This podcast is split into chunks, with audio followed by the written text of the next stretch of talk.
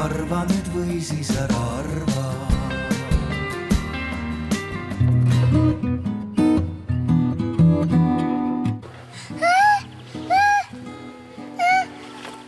ütleb auha. ütleb, et mina valvan siia küla. ja. no nüüd tuli piisu peale. nüüd tuli piisu peale. mine kõrgemalt jah.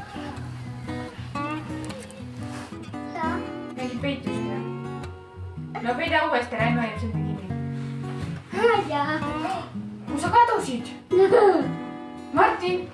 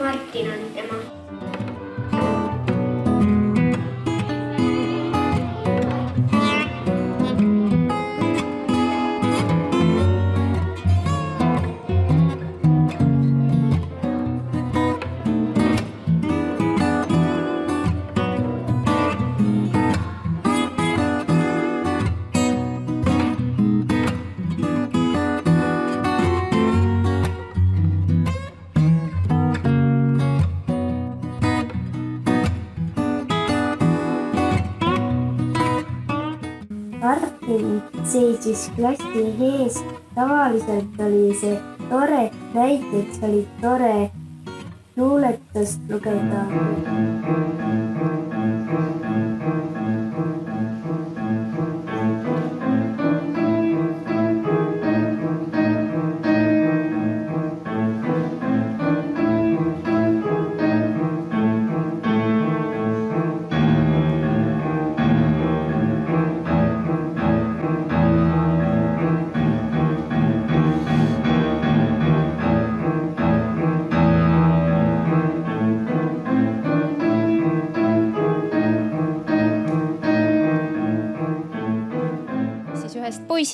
Martinist.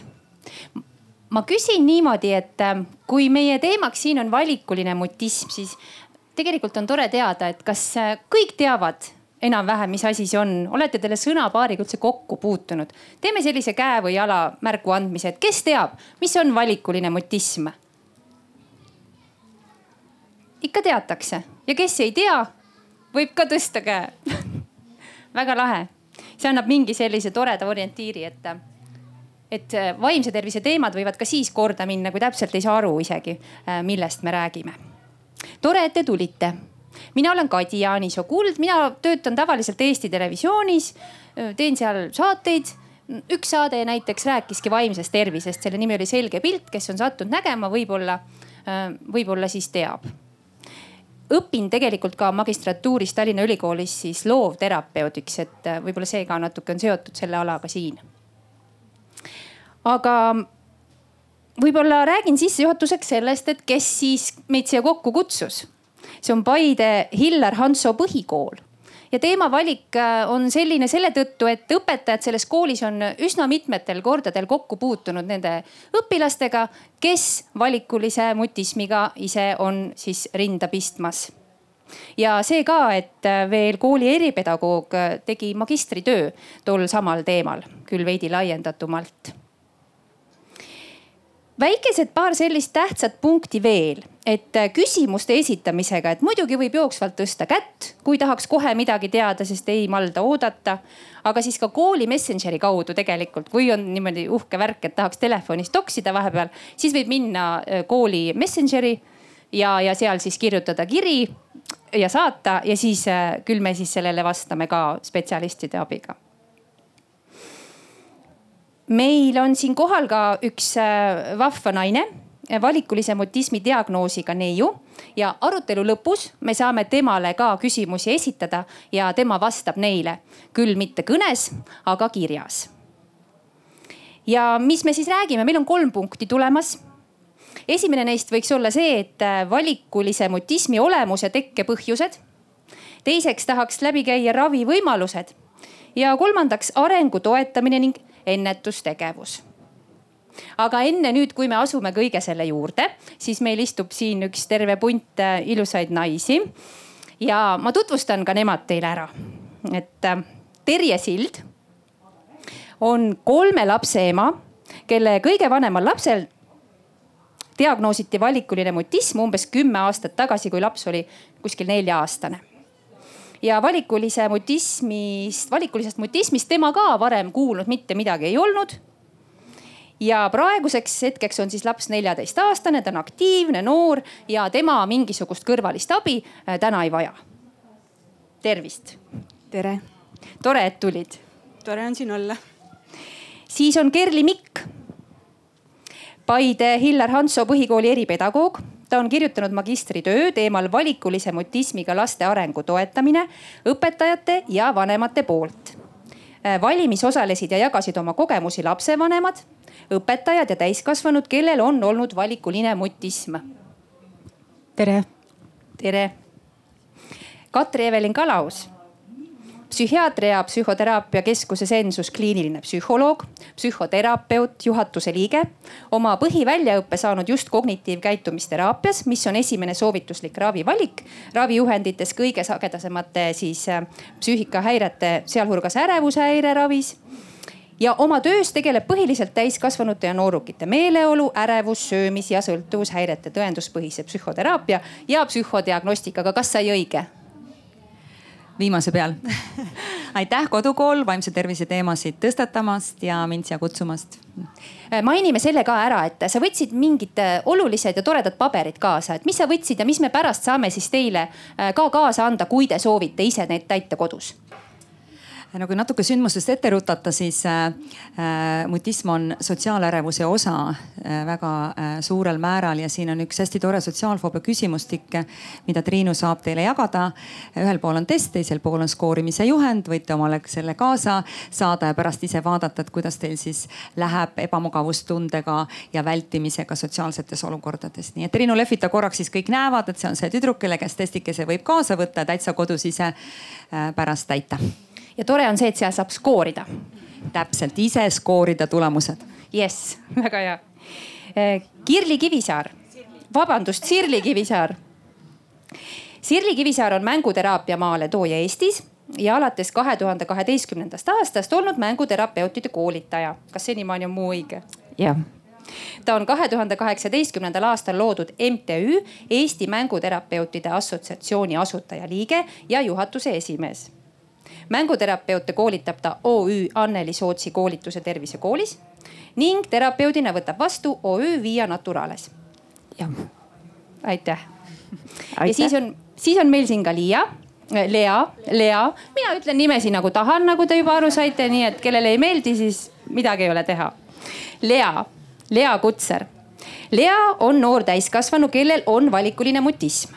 diagnoos tekkis tal kuueaastaselt, kõigepealt lakkas kõne lasteaias, siis ka kodus läbi rohtude, teraapiate ja nõustamiste on ta jõudnud nii kaugele, et tänaseks päevaks räägib vabalt viieteistkümne inimesega. Nende hulka kuuluvad inimesed on pereliikmed, lähisugulased ja sõbrannad.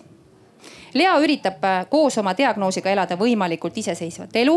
ta on omandanud keskhariduse, kaks kutset ja käib tööl. vajadusel kasutab inimestega suhtlemiseks pliiatsit ja paberit telefoni või arvutit. vaat kui hea, et meil on telefonid ja arvutid. vabal ajal meeldib Leale tegeleda loovate asjadega, uurida infot ennast huvitavate teemade kohta ja suhelda lähedastega. Lea peab oma diagnoosi, elukogemuste ja mõtete kohta ka blogi, mille kohta me hiljem anname teile ka rohkem infot, et keda huvitab, siis sealt on kindlasti väga-väga põnev lugeda ja mõnikord üritab oma kogemuste ja teadmiste põhjal läbi internetiga teisi nõustada, kui, kui seda peaks vaja minema. nii et aitäh, Lea ja tere ja siis on siin meil ka Madli. Madli on kunstnik, tema istub seal laua otsa peal vot niimoodi ja tema siis visualiseerib meie tänast arutelu, mille tulemusena valmib siis infovoldik. vot niimoodi. loodan, et kõik läks nüüd õigesti ja täppi. saame alustada siis nüüd selle tähtsama poolega ka. niimoodi istun. no diagnoos ja tekkepõhjused peaks olema see, millest me siis siin esimeses järjekorras rääkima hakkame. väga tore, teeme siis veel korra puust ja punaseks, kes ei saanud aru ikkagi, mis asi see valikuline mutism siis on? kes oskab sellele vastata siin minu kõrval? valikuline mutism on ärevushäire, mis avaldub lapsepõlves ja eh, sageli siis eh, laps teatud situatsioonides ja olukordades ei räägi, räägib endale mugavas mm, keskkonnas, tavaliselt kodus. et need kõnemustrid on väga erinevad. Ja see avaldub siis, kui laps läheb kooli, selles mõttes, et, et kool ja, ja lasteaed on see keskkond, kus tal tuleb kõige rohkem emotsioonidega toime tulla ja sotsiaalsete oskustega. ja, ja siis, siis see ilmneb seal, et äh, keskmiselt vanuses kolm kuni neli eluaastat ja võib öelda niiviisi, et, et ravini jõutakse alles seitsme kuni üheksa aastaselt, et sinna jääb selline vahemik, tühi vahe, vahemik sisse. kas sa oskad öelda, miks see vahe jääb sinna, see on ju päris pikk, see on mitu-mitu aastat. Just, et äh, see vahemik äh, jääb ilmselt selle tõttu sinna sisse, et äh, valikulist mutismi ilmselt me teame vähe sellest, sellest me teame vähe, et ütleme, kui, kui mina olen kokku puutunud selle teemaga, et kui ma olen kuskil küsinud, et siis sageli on nii, et inimesed ei oska vastata. aga kui ma siin olen, siis on väga hea meel, et kõik, väga paljud tõstsid käed. jah, et sinna jääb selline auk sisse. võib-olla natukene kommenteeriksin, et äh, psüühikahäired me hindame nende mõjus äh, inimese toimetulekule ja üldiselt äh, kuni seitsmeaastane laps võib olla väga turvalises keskkonnas, kus tema vähene kõne ei valmistagi nii suuri probleeme. aga kui lapsed lähevad lasteaeda või nad lähevad kooli, siis ilmselgelt saab Äh, valikulisest mutismist väga tõsine äh, probleem ja, ja vanemad äh, pöörduvad abi saamiseks siis psühhiaatri või kliinilise psühholoogi vastuvõtule ja siis see seisund saab nagu diagnoositud et ilmselgelt avaldub varem ja probleeme on ka varem, aga tublid vanemad üldiselt aitavad selle kompenseerida kenasti. ja, ja pöördutakse suhteliselt hilja. et võib-olla tahabki kommenteerida Terje. just, et Terje võib öelda, tema ja. ju teab. no meie puhul oli niimoodi, et me saime nagu aru, et midagi on valesti siis, kui laps läks lasteaeda uh. -huh. ja tekkis võrdlusmoment teiste lastega. ja ei osanud nagu esimese hooga nagu midagi nagu peale ka hakata. et äh, ühelt poolt nagu öelda, et midagi on viga, teiselt poolt jälle, kui sa usud äh, nii-öelda oma sõpru või siis sugulasi, et aeg on, poiss, laps küll hakkab rääkima, ei olegi nagu muret. aga see mure nagu tuli ikkagi, sest kõne areng jäi seisma ja lasteaias ta üldse ei rääkinud ja siis me hakkasime uurima. pöördusime perearsti poole ja sealtpoolt siis hakkasime nagu asja ajama. diagnoosi sai Martin siis nelja-aastaselt. Ta oli juba kaks aastat lasteaias ära käinud veel korra kommenteeriks, et äh, teatud kognitiivseid funktsioone lapse ea tõttu ei ole võimalik väga vara hinnata ka ja oligi nii. jah, mistõttu natukene vahest tuleb oodata ja vanematel on mure majas, et äh, minu lapsega ei tegeleta. et ähm, seetõttu see diagnoos ka noh, pisut nagu äh, psüühika arengu osas äh, võib hilineda, sest välistada tuleb kõik teised psüühikahäired, sest lapsed ei räägi väga erinevatel põhjustel, tal võivad olla autismispektri häired, eks ole, mingid kõne, keele spetsiifilised häired, mis tuleb ennem välistada. kui me saame panna talle selle ärevushäire diagnoosi diagnoosi, eks ole, valikulise mutismi. palun lisa meil midagi et valikulise mutismi puhul on äh, ligi kolmkümmend, nelikümmend protsenti nendel lastel on äh, kõnehäire, kõnepuue. Äh, mille järgi neid veel ära tunda, on see, et nad on häbelikud, arglikud, ülitundlikud, neil võib esineda perfektsionismi, nad tahavad kõike nagu hästi teha. ja, ja see, see võib-olla ongi see, mis nagu kirjeldab seda last, et, et erinevus tuleb mängu see, et kui koolis on ta või koolis või lasteaias on ta vaikne ja ei räägi, siis kodust võib olla ta vastupidi väga elav, ilmekas, jutukas. kuidas siis teie perel see oli selles mõttes, et kodus ja mujalgi lakkas siis tegelikult see kõne või oli seal ka kuidagi valikuline? Ehm, no ütleme niimoodi, et kui lapsele nagu tuttavamas keskkonnas oli, siis ta natukene alguses oli niisugune tagasihoidlik, aga sulas suht kiiresti, aga kodus oli ta täiesti pöörane aeg-ajalt. Ja siis väga raske oli nagu terapeutidele või siis kasvatajale või ükskõik kellele võõramale inimesele selgitada. ta ju räägib tegelikult, ta ju suhtleb kodus ta ei ole tumm, et noh, tal tuleb küll hääl välja, aga lihtsalt praegu ei tule. kas tekkis ka sellist olukorda, et sina oled justkui imelik, et mis sa räägid ja. siin? oli nii? ma, mina vahest jäi tunne küll, et ema mõtleb välja. kahjuks natuke kommenteerin ka, et, et äh, oluline on valikulise mutismi puhul täheldada seda, et probleem pole mitte sotsiaalsete oskuste puudusega või siis kõneprobleemiga, mida nendel lastel ei ole vaid äh, tegemist on väga tugeva ärevusega, mistõttu laps teatud temale ebaturvalistes keskkondades loobub rääkimisest. see on ikkagi nagu vabatahtlik mitterääkimine, eks ole, kuna ärevus on niivõrd tugev, ärevus teatavasti jube vastik tunne. ja, ja mida noh, suuredki inimesed teevad, mitte ainult need kõige väiksemad, kellele me seda haigust diagnoosime, nad lihtsalt äh, on vait, ei räägi või noh, jätavad minemata, eks kas seal on ka mingi vahe, me räägime Martinist, tema on poiss aga on seal kuidagi ka sooti see, see lugu äh, varieeruv? Äh, kirjandus ütleb niiviisi, et, et poolteist kuni kaks korda on tüdrukutel valikulist mutismi rohkem. oma uurimustöös puutusin ma kokku üheksa lapsega. selles mõttes olid nad juhuslikult valitud ja neist neli olid poisid ja viis olid tüdrukud. nii et noh, et ütleme juhuslikkust tõi sellised numbrid. Äh, sellel on kaks hüpoteesi üks hüpotees on see, et äh, arvatakse, et või noh, et justkui nagu naistele on depressioon ja ärevuse tunne nagu omasem kui äh, meestele. ja, ja teine hüpotees on see, et poiste puhul on see lihtsalt aladiagnoositud. Kuidas näiteks sinu vastuvõtule, tulejate hulgas see asi jaotatud no, on? ega äh, ärevushäirete esinemissagedus sünnist surmani on üsna ühesugune et, et naistel ja, ja tüdrukutel esineb seda ikkagi natukene rohkem kui meestel. ja, ja täpselt nii see on, sõltumata vanusest, kes siis pöördub. huvitav, kas äh, seal on ka selliseid olukordi võimalik ette tulla, kus vanemad hakkavad justkui ennast süüdistama, et äkki mina tegin midagi. äkki see on olukord, kus äh, mina oleks saanud seda ära hoida.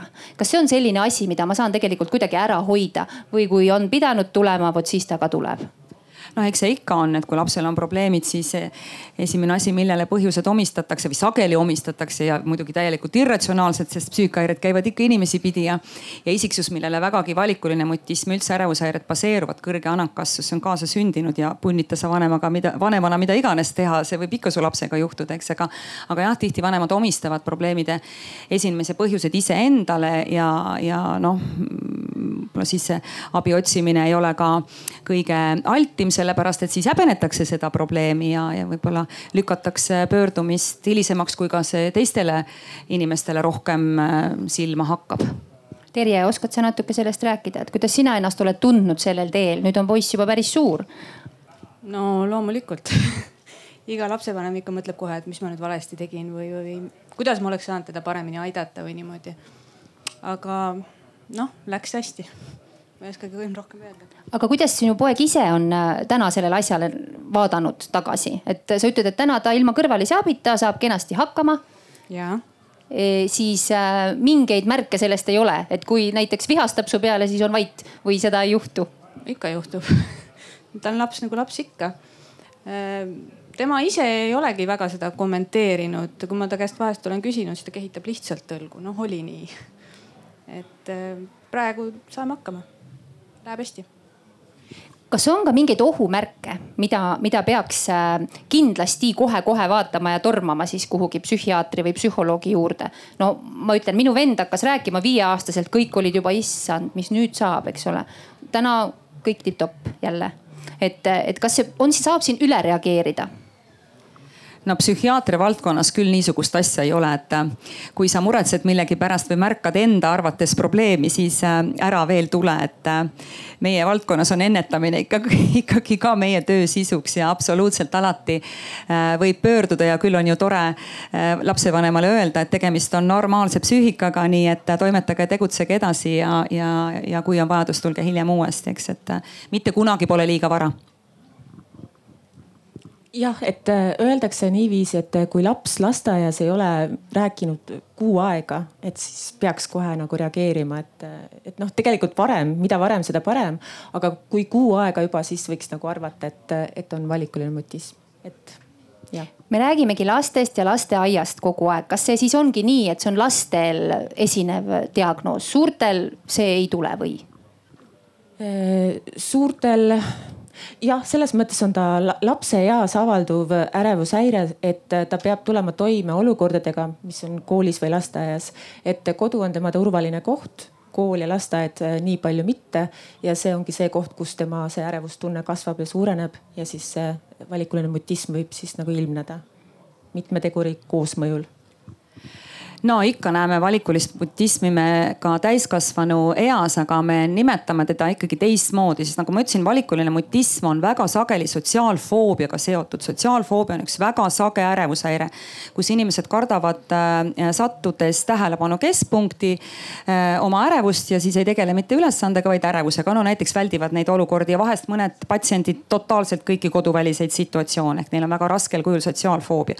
no loomulikult siis, kui ta läheb noh või tal on, ta on sunnitud minema kuskile seltskonda, siis ta võib-olla loobub näiteks rääkimisest. ta küll osaleb sellel üritusel, aga ta ei ütle mitte ühtegi sõna, eks ole. sümptomi mõttes tal on valikuline mutism, sest ta kodus oma emaga räägib või, või noh, ma ei tea, oma õe-vennaga või, või oma sõbrannadega suhtleb, eks ole, et, et me, me ei saa, me ei ütle, et tal seda ei ole, eks aga üldiselt, äh, kui valikuline mutism diagnoositakse vara ja, ja sekkutakse äh, kohaselt, siis, siis ähm, see rääkimise vältimine on asi, millest saadakse üle, aga üldiselt sotsiaalfoobia vältivad isiksuse jooned noh püsivad läbi elu, kui nendega ei tegeleta sekkuda ja õigesti sekkuda, ütled sa. mis see valesti sekkumine võib siis olla ja mida see võib siis põhjustada? Läheme sekkumise teema juurde. Mhm.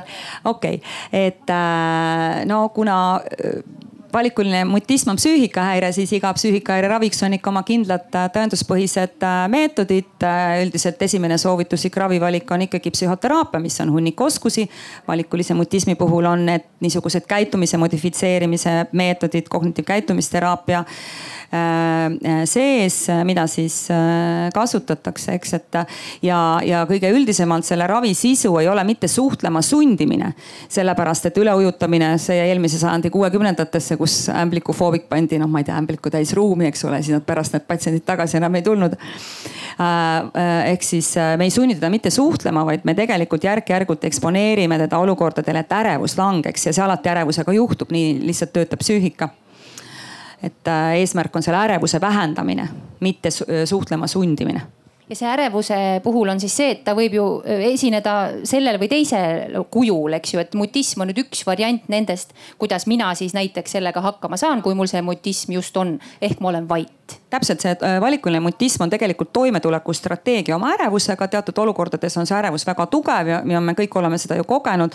ärevus on väga vastik, ebameeldiv, kehaline, sümptomite rohke emotsioon, see on ka muideks põhjus, miks on palju ärevushäireid, aga pettumise ega solvumise häiret me psüühikahäirete loetelust ei leia, eks, et pea käib ringi ja suu kuivab ja süda taab ja kõhus keerab ja on higistamist, värinat, surinat, ebareaalsust. noh, enesetunne on õudselt, õudselt vastik, eks, kui ma kasvan suuremaks ja mu kognitiivsed võimed arenevad, äh, siis äh, noh, ma, ma saan ka noh, näiteks kasvõi lugeda, kui ma ei tule teraapiasse, et, et noh, ärevus tõesti ei võta mõistuspärast sõnu suust jalgu alt ja ta alati läheb ise üle, eks ole, ma saan ülesanded tehtud. et mu võimekus täiskasvanu eas on nagu suurem tulla toime selle ärevusega, kui sellel pisikesel kolmeaastasel, kelle noh, kognitiivne võimekus on kehvakene ja, ja, ja mis ta teeb, ta teeb midagi, mis on evolutsiooniliselt väga omane. kui on enesetunne väga kehv, siis ma väldin seda olukorda, kus see vastik tunne tekib, no väga loogiline sina tegid uurimustöö, kohe magistritöö sellel teemal. kas oskad sellel, selle punkti juures nüüd diagnoos ja tekkepõhjused midagi noh, eriti olulist või huvitavat või sinu jaoks ootamatut välja tuua?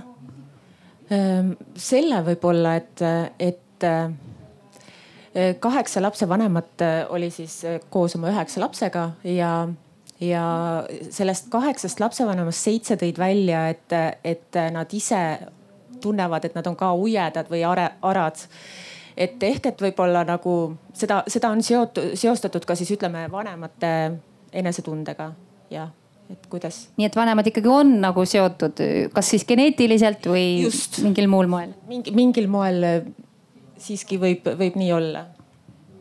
kas sina mänguterapeudina oled ka selle teemaga kokku puutunud ja mis, mismoodi? Äh, mina isiklikult pean ütlema, et selles mõttes ei ole, et äh, minu klientide seas ei ole olnud valikulise mutismiga äh, kliente. aga see ei tähenda seda, et mänguterapeutide juurde need kliendid ei satu. et ähm, et tegelikult nad satuvad ja miks nad satuvad, sellepärast et mänguterapeut tegeleb lastega ja tegeleb lastega alates siis ütleme noh, võime öelda, et kuskil kolmandast elueast. ja, ja, ja kui on mänguterapeut, kes näiteks tegutseb lasteaias, siis äh, noh, kui seal juba noh, ilmnevad need sümptomid, isegi kui ei ole diagnoosi, siis äh, noh, see laps võib sinna selle terapeudi juurde suure tõenäosusega sattuda. ja muidugi noh, kui on ka juba diagnoos, siis äh, noh, samamoodi võib juhtuda niimoodi, et vanemad otsivad abi. ja noh, kui ma mõtlen meie mänguterapeutide peale siin Eestis siis äh, neist mitmed tegelevad noh, mitmes valdkonnas. et äh, et võibki olla niimoodi näiteks, et äh, tema kui eripedagoogi juurde satub siis äh, valikulise mutismiga laps.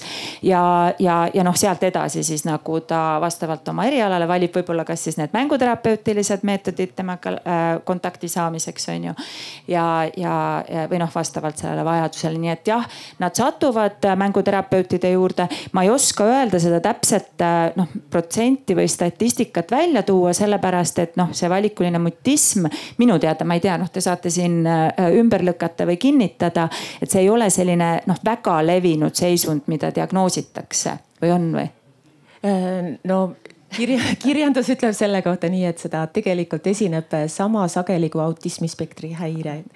ehk et üks laps sajast, et see protsent võib olla üks kuni kaks protsenti, et mhm. sinna, sinna juurde. Äh, jah, vot nagu siin sai juba öeldud ka, et, et noh, see, see ütleme see, et laps ei räägi, võib olla ka mingisuguse teise seisundi sümptom, eks ole, samamoodi noh ähm,. autismiga võib äh,, võib selline asi kaasneda, et, et seda, et mänguterapeudi juurde satub äh, noh laps, kes ei räägi, mis iganes põhjustel. seda juba tuleb ette noh, päris palju tegelikult. et ähm,, et et jah, et noh, õnneks mänguteraapia on selline vahva vahend, mis äh, tegelikult nii-öelda ei eelda endast seda, et kui laps tuleb terapeudi juurde, siis ta peab rääkima, et ta peab sõnades ennast väljendama, nii et selles mõttes äh, noh, on see võib-olla selline hea koht või tore koht, kus lapsel olla ja mis teda toetada võib. huvitav, kas see diagnoos kui selline on meil, millal, millal me hakkasime sellist asja panema? Kas, ma ei taha aastanumbrit, aga ma mõtlen, et kas ta on pigem uus või pigem juba iidamast aadamast teadmine? sihuke asi olemas üldse on?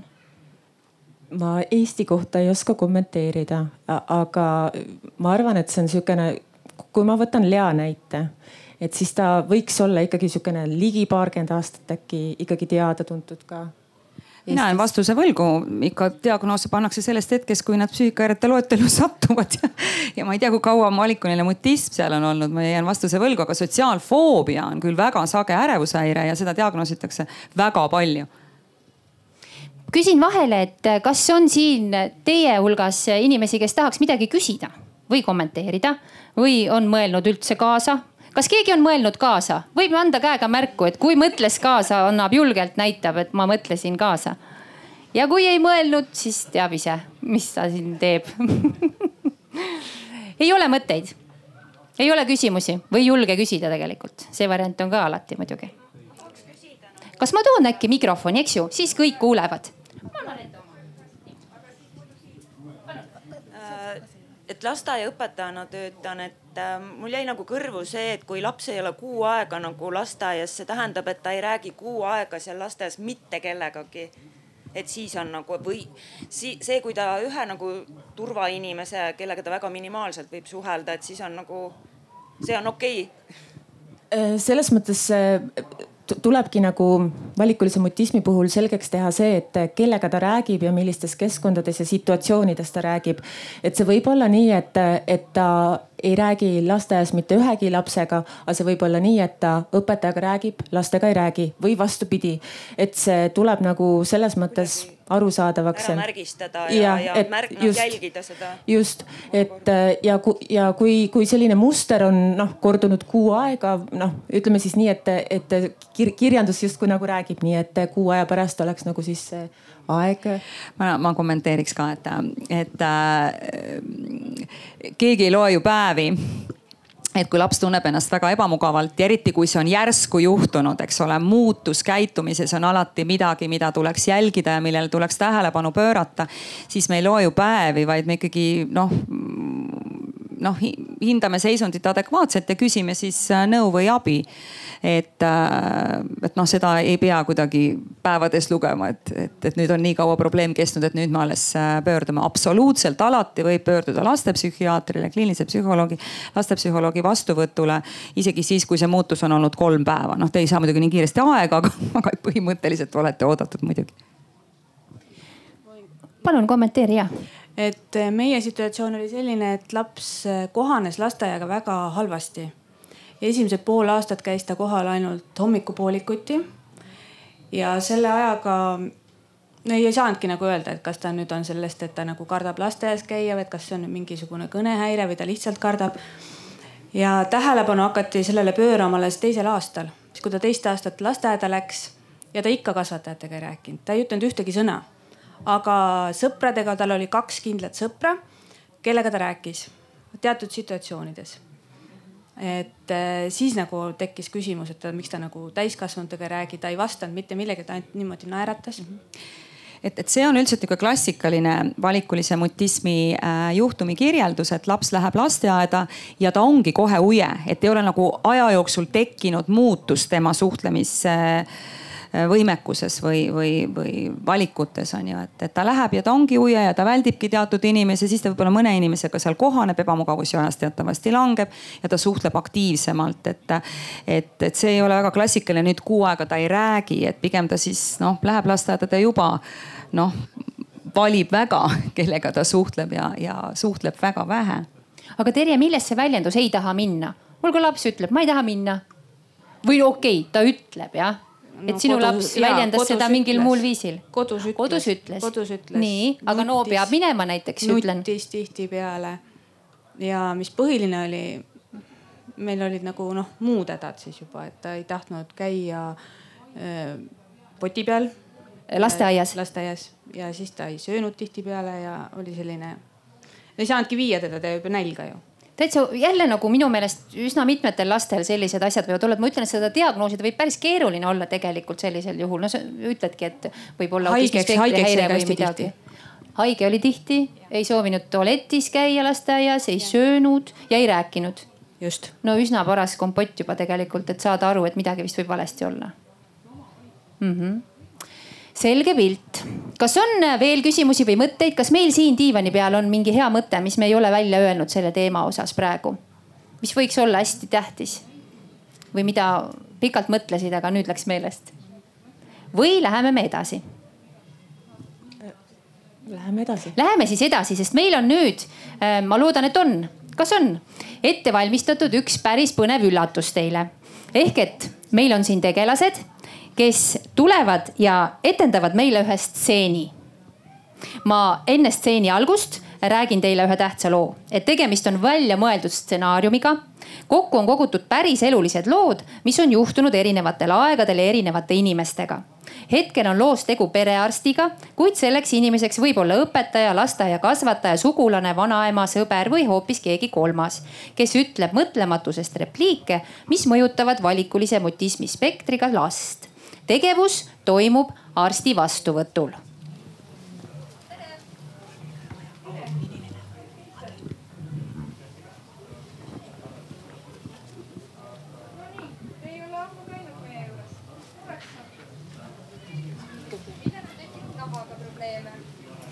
kätel on nüüd mingid punased laigud. ja ma ei teagi nüüd, et kas on siis allergia või miski muu ärritab. näita siia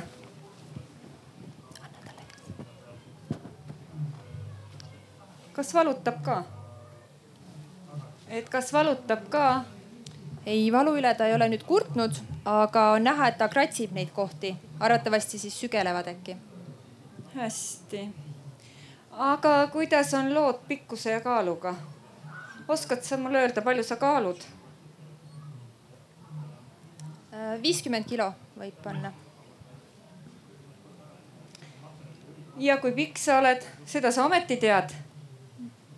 Sada viiskümmend üheksa sentimeetrit. Eh, see allergia võib nüüd tekkida ka mingisuguse võõra toidu söömisest.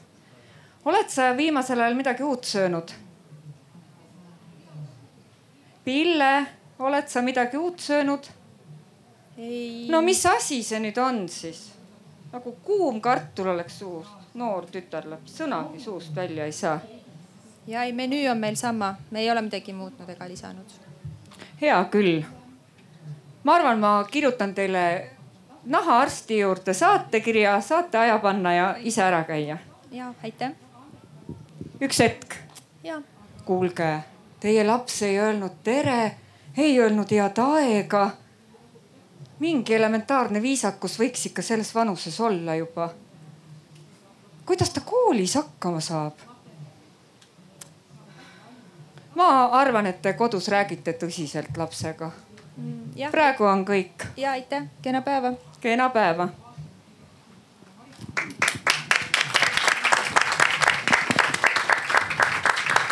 selline lugu ma mõtlen, et kui me seda vaatasime, mis tunded või mõtted, ära jookse, võta mikrofoni Lähen seljaga teie poole viisakusest. Et mis tunded või mõtted teil tekkisid, kui me seda lugu vaatasime? mina näiteks tundsin, et midagi on küll nagu valesti. kuidas teil, kas oli see normaalne arst? täiesti normaalne arst.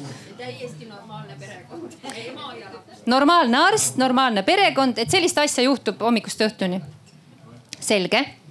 kas keegi veel tundis, et see on üks normaalne seltskond siin? Miks mitte, ja loomulikult, aga mis teie siin, kuidas, kuidas oli seda vaadata näiteks, kas, kas sinul on see mingis mõttes olnud tuttav olukord? on küll ja väga kurb oli. oled ka kogenud sarnast siis ütleme sarnast suhtust, suht-, suhtumist? ja olen küll ja väga raske on selgitada, et saage aru, lapsel on noh, ta, ta lihtsalt ongi selline. aga kuidas raske, sa ütled, lapsel on valikuline, aga sa ei teadnud veel, et on siis või? no teadsin ja siis ma selgitasingi. ja ei teadnud aga teised ka. ei teadnud, mis asi see on. Ja, ja. seda ka selgitama. aga iga kord tänava peal sa nagu ei selgita mõnele lähemale tuttavale või, või noh, arsti juures loomulikult sa selgitasid, et miks ta ei räägi ja nii ongi. aga raske oli jah mul on hästi kahju niisuguseid asju kuulata, sest äh, Eesti Vabariigis perearstid hindavad psüühikahäired ja teatavasti määravad ka ravi. mistõttu nad justkui peaksid ära tundma selle ja, ja, ja oskama äh, patsientidega suhelda, et tegelikult meie valdkonnas hästi klassikaline niisuguse sotsiaalfoobse patsiendi käitumine, kus ta ei tegele mitte ülesandega, eks ole, kui me oleme sotsiaalses olukorras, siis me vaatame otsa ja, ja räägime ja vastame küsimustele ja ja, ja küsime ise võib-olla midagi ja kirjeldame oma kaebust, et et kui ta seda ei tee, siis noh, üks hüpotees, mis peast läbi käia võiks, on ikkagi arstil, et, et siin võiks olla tegemist äh, sotsiaalfoobia või vältivate isiksuse joontega või, või, või nooremal valikulise mutismiga, aga see on sotsiaalfoobia osa, eks ole, et sotsiaalfoobia on see nagu katusdiagnoos, mida, mida püstitada, eks, et Terje, kuidas sina oleksid võib-olla tahtnud, et sinuga oleks suheldud või, või sinu lapsega sellistel hetkedel? viisakamalt. mis see tähendab viisakamalt? et noh, ma ei oska nagu kirjeldadagi seda tunnet, et kui sulle öeldakse, et kuidas ta küll hakkama saab. ma ei tea ju isegi, kuidas ta hakkama saab. elu näitab. ma ei et oska vastata sellistele küsimustele. et kuidagi nagu sellist ka sinu kui vanema suhtes sellist hoiakut, mis ei tundunud toetav, oli, oli kuidagi just, palju? just, just kas noh, lapsevanem ju räägib, et äh, siis saab lapsevanemaga sellest rääkida, aga üldiselt kõik mitteverbaalsed äh, suhtlemise meetodid äh, võiks ära kasutada, et, et ma saan aru, et see on ebamugav olukord, näeme esmakordselt ja, ja ärevus on täitsa normaalne asi selles situatsioonis, kus sa pead kirjeldama oma terviseprobleeme, et nooguta mulle lihtsalt või raputa pead. ja me tegimegi seda, aga ja, mõnel et... juhul tekkis nagu küsimus, et aga miks ta nii teeb et no,. vabandan meie valdkonna pärast. ei, ei, ei, ma ei ütlegi, et nagu oleks mingi psühhiaater või, või mingi muu asi, et näiteks silmanägemise kontrollis soovis äh,. ma ei mäleta enam, kas see oli õde või arst või keegi et ta ütleks, et kuspoole on mingi ring lahti näiteks. ma ütlesin, et aga ta ei vasta teile, et ta ütleb mulle, ma keeran selja sellele, et ta sosistab mulle kõrva. aga miks ta nii teeb, ta võib ju mulle nii otse ka öelda. ja siis ma pidin jälle selgitama, see on üks näide see, see ongi väga okei okay,, kui lapsevanem või siis sõber vahendab nagu selle lapse kõne et lapsevanem mõistab kõige paremini, aga ütleme magistritöös tuli ka välja see, et lapsevanemad tõid sellist äh, äh, noh, erinevaid näiteid arstide juurest, ka perekonnas, kus, kus nagu tuli palju selgitada ja kust oli palju mõistmatust, et äh, jah. et ma tahtsin ühe tsitaadi välja tuua. Oma magistritööst ühe tsitaadi mm. -hmm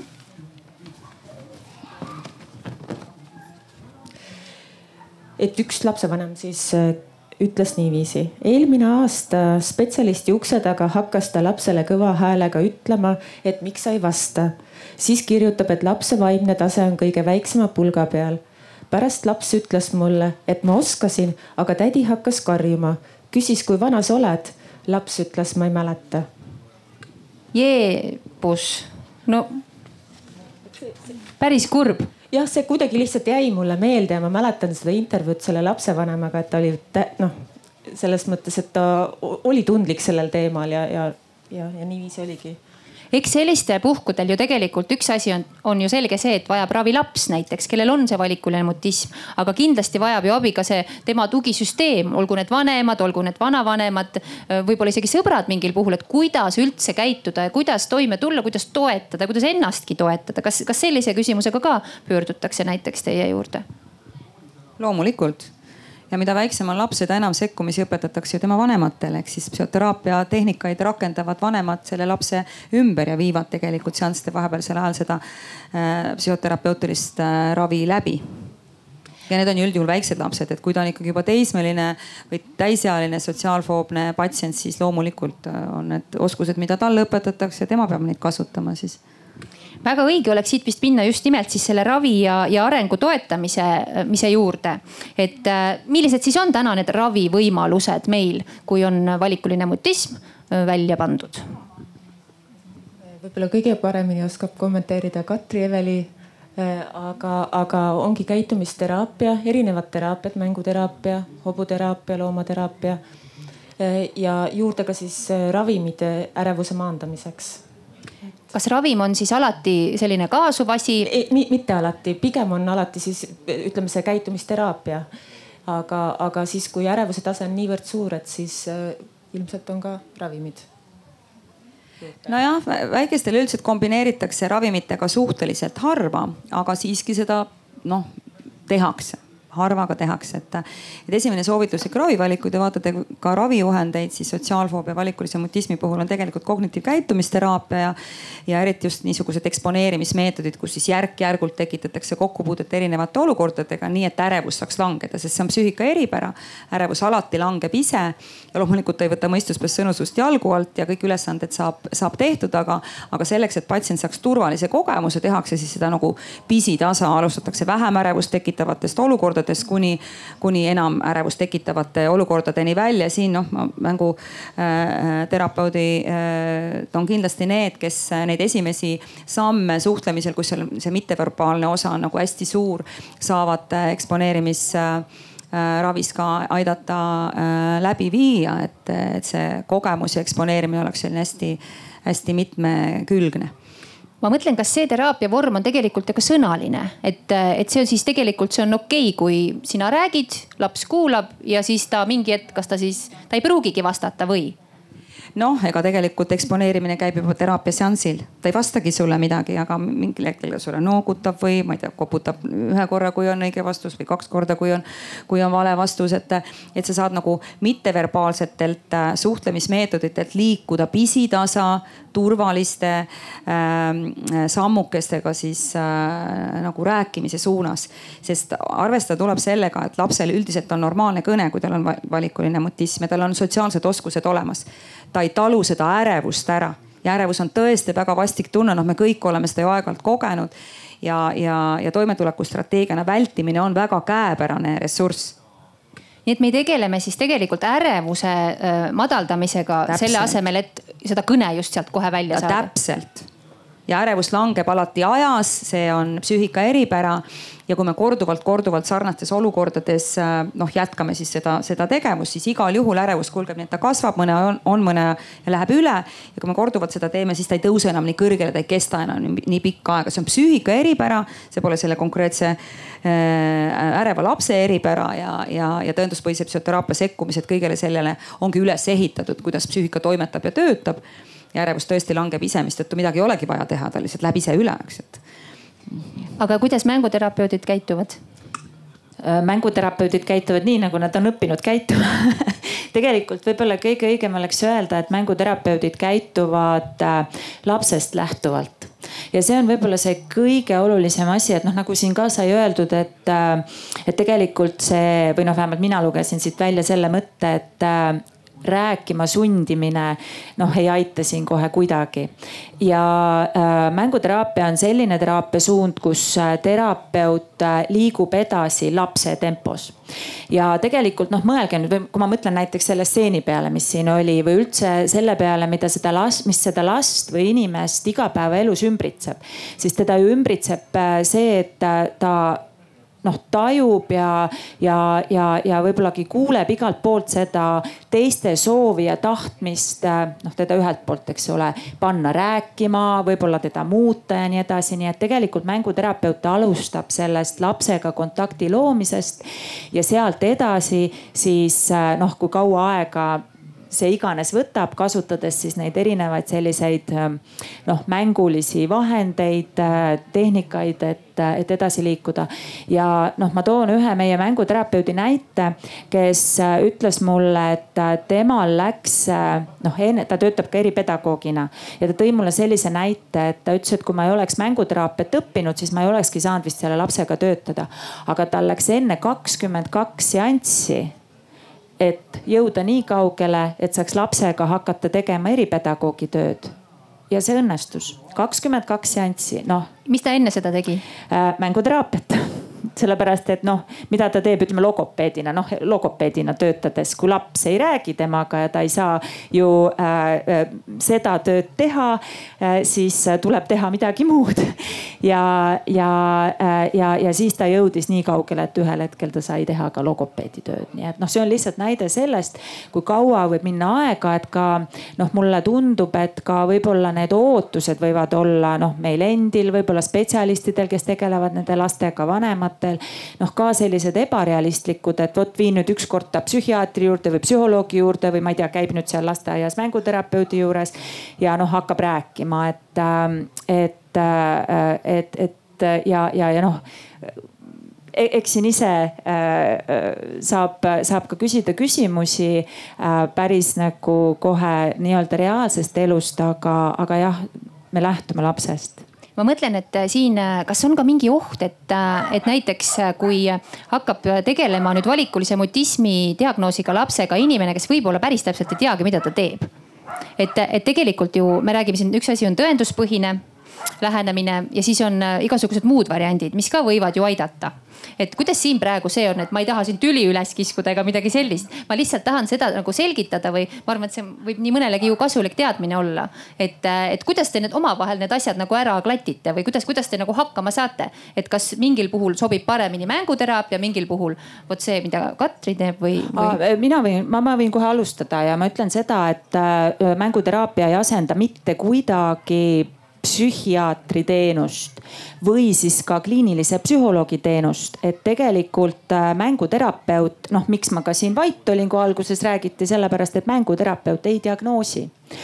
ja äh, noh muidugi siin on nüüd selline asi, et, et kui tuleb, kui tuleb mänguterapeudi juurde, eks ole, laps, kes ei räägi, siis mänguterapeut on täpselt samamoodi nagu teised spetsialistid, kes lapsega tegelevad, kui tema märkab mingisuguseid selliseid jooni või ütleme näiteks noh, räägivad siis kas vanemad talle neid sümptomeid, siis mänguterapeut on see, kes võiks osata noh öelda, kui need vanemad ei ole veel käinud, et teate, et noh, et, et äkki lähete ja konsulteerite, kas psühholoogi psühholoogiga või konsulteerite psühhiaatriga, nii et selles mõttes me noh, või noh, mina ei näe siin mingit selles mõttes konkurentsi.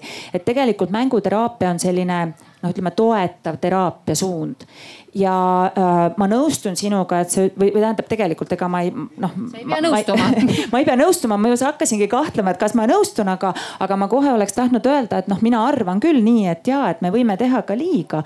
noh, kasvõi näiteks vaadates seda stseeni siin, siis äh, kui on keegi spetsialist äh, noh, mis iganes valdkonnas või, või, või alal, kes äh, äh, noh, ei oska nii-öelda läheneda, ei oska arvestada selle lapse või perekonna eripäraga, siis äh, see, see pere, see laps võib-olla läheb sealt ära veelgi sügavamate selliste hingehaavadega.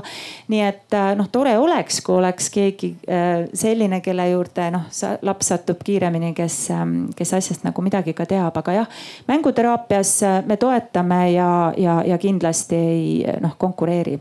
tahad sa midagi öelda või see on kõik väga pädev, kõik oli arusaadav? Ma nii lootsin, et meil tuleb mingit intriigi, ma just sõitsin siia Kuku raadios, öeldi, et kõik arvavad ja on ühel nõul.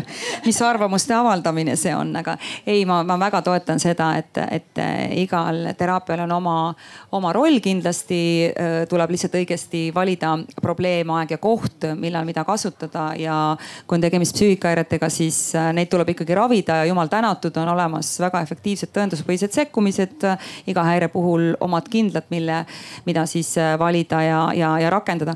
aga võib-olla kommentaariks veel nii palju, et, et noh, mida väiksem on laps, seda rohkem haritakse vanemaid, ega vanemad mitte ainult arstid ja, ja teised inimesed äh, probleemse lapse ümber, vaid ka vanemad on need, kes äh, säilitavad ja süvendavad äh, lapse probleemi ainuüksi kasvõi läbi selle, et nad sunnivad teda suhtlema. või nad lähevad ärevusega tegelema, ärevusega teatavasti ei ole vaja tegeleda, tema langeb ajas ise. aga kui sageli noh, meile endilegi on lapsena öeldud, no mis siin karta on mis no mis, mis, mis siin on siis jumala tuttav onu on ju, et õpetajat iga päev näed, et no mis siin karta on, eks ole. samad klassikaaslased, eks ole, et, et noh, mis sa kardad, eks ole, no luuletust lugeda lava peal, noh, mis, mis siin hirmsat on, eks, et, et minnakse nagu seda ärevust äh, alavääristama ja teda ära ajama aga psüühika üldse ei taha kiiret kasu.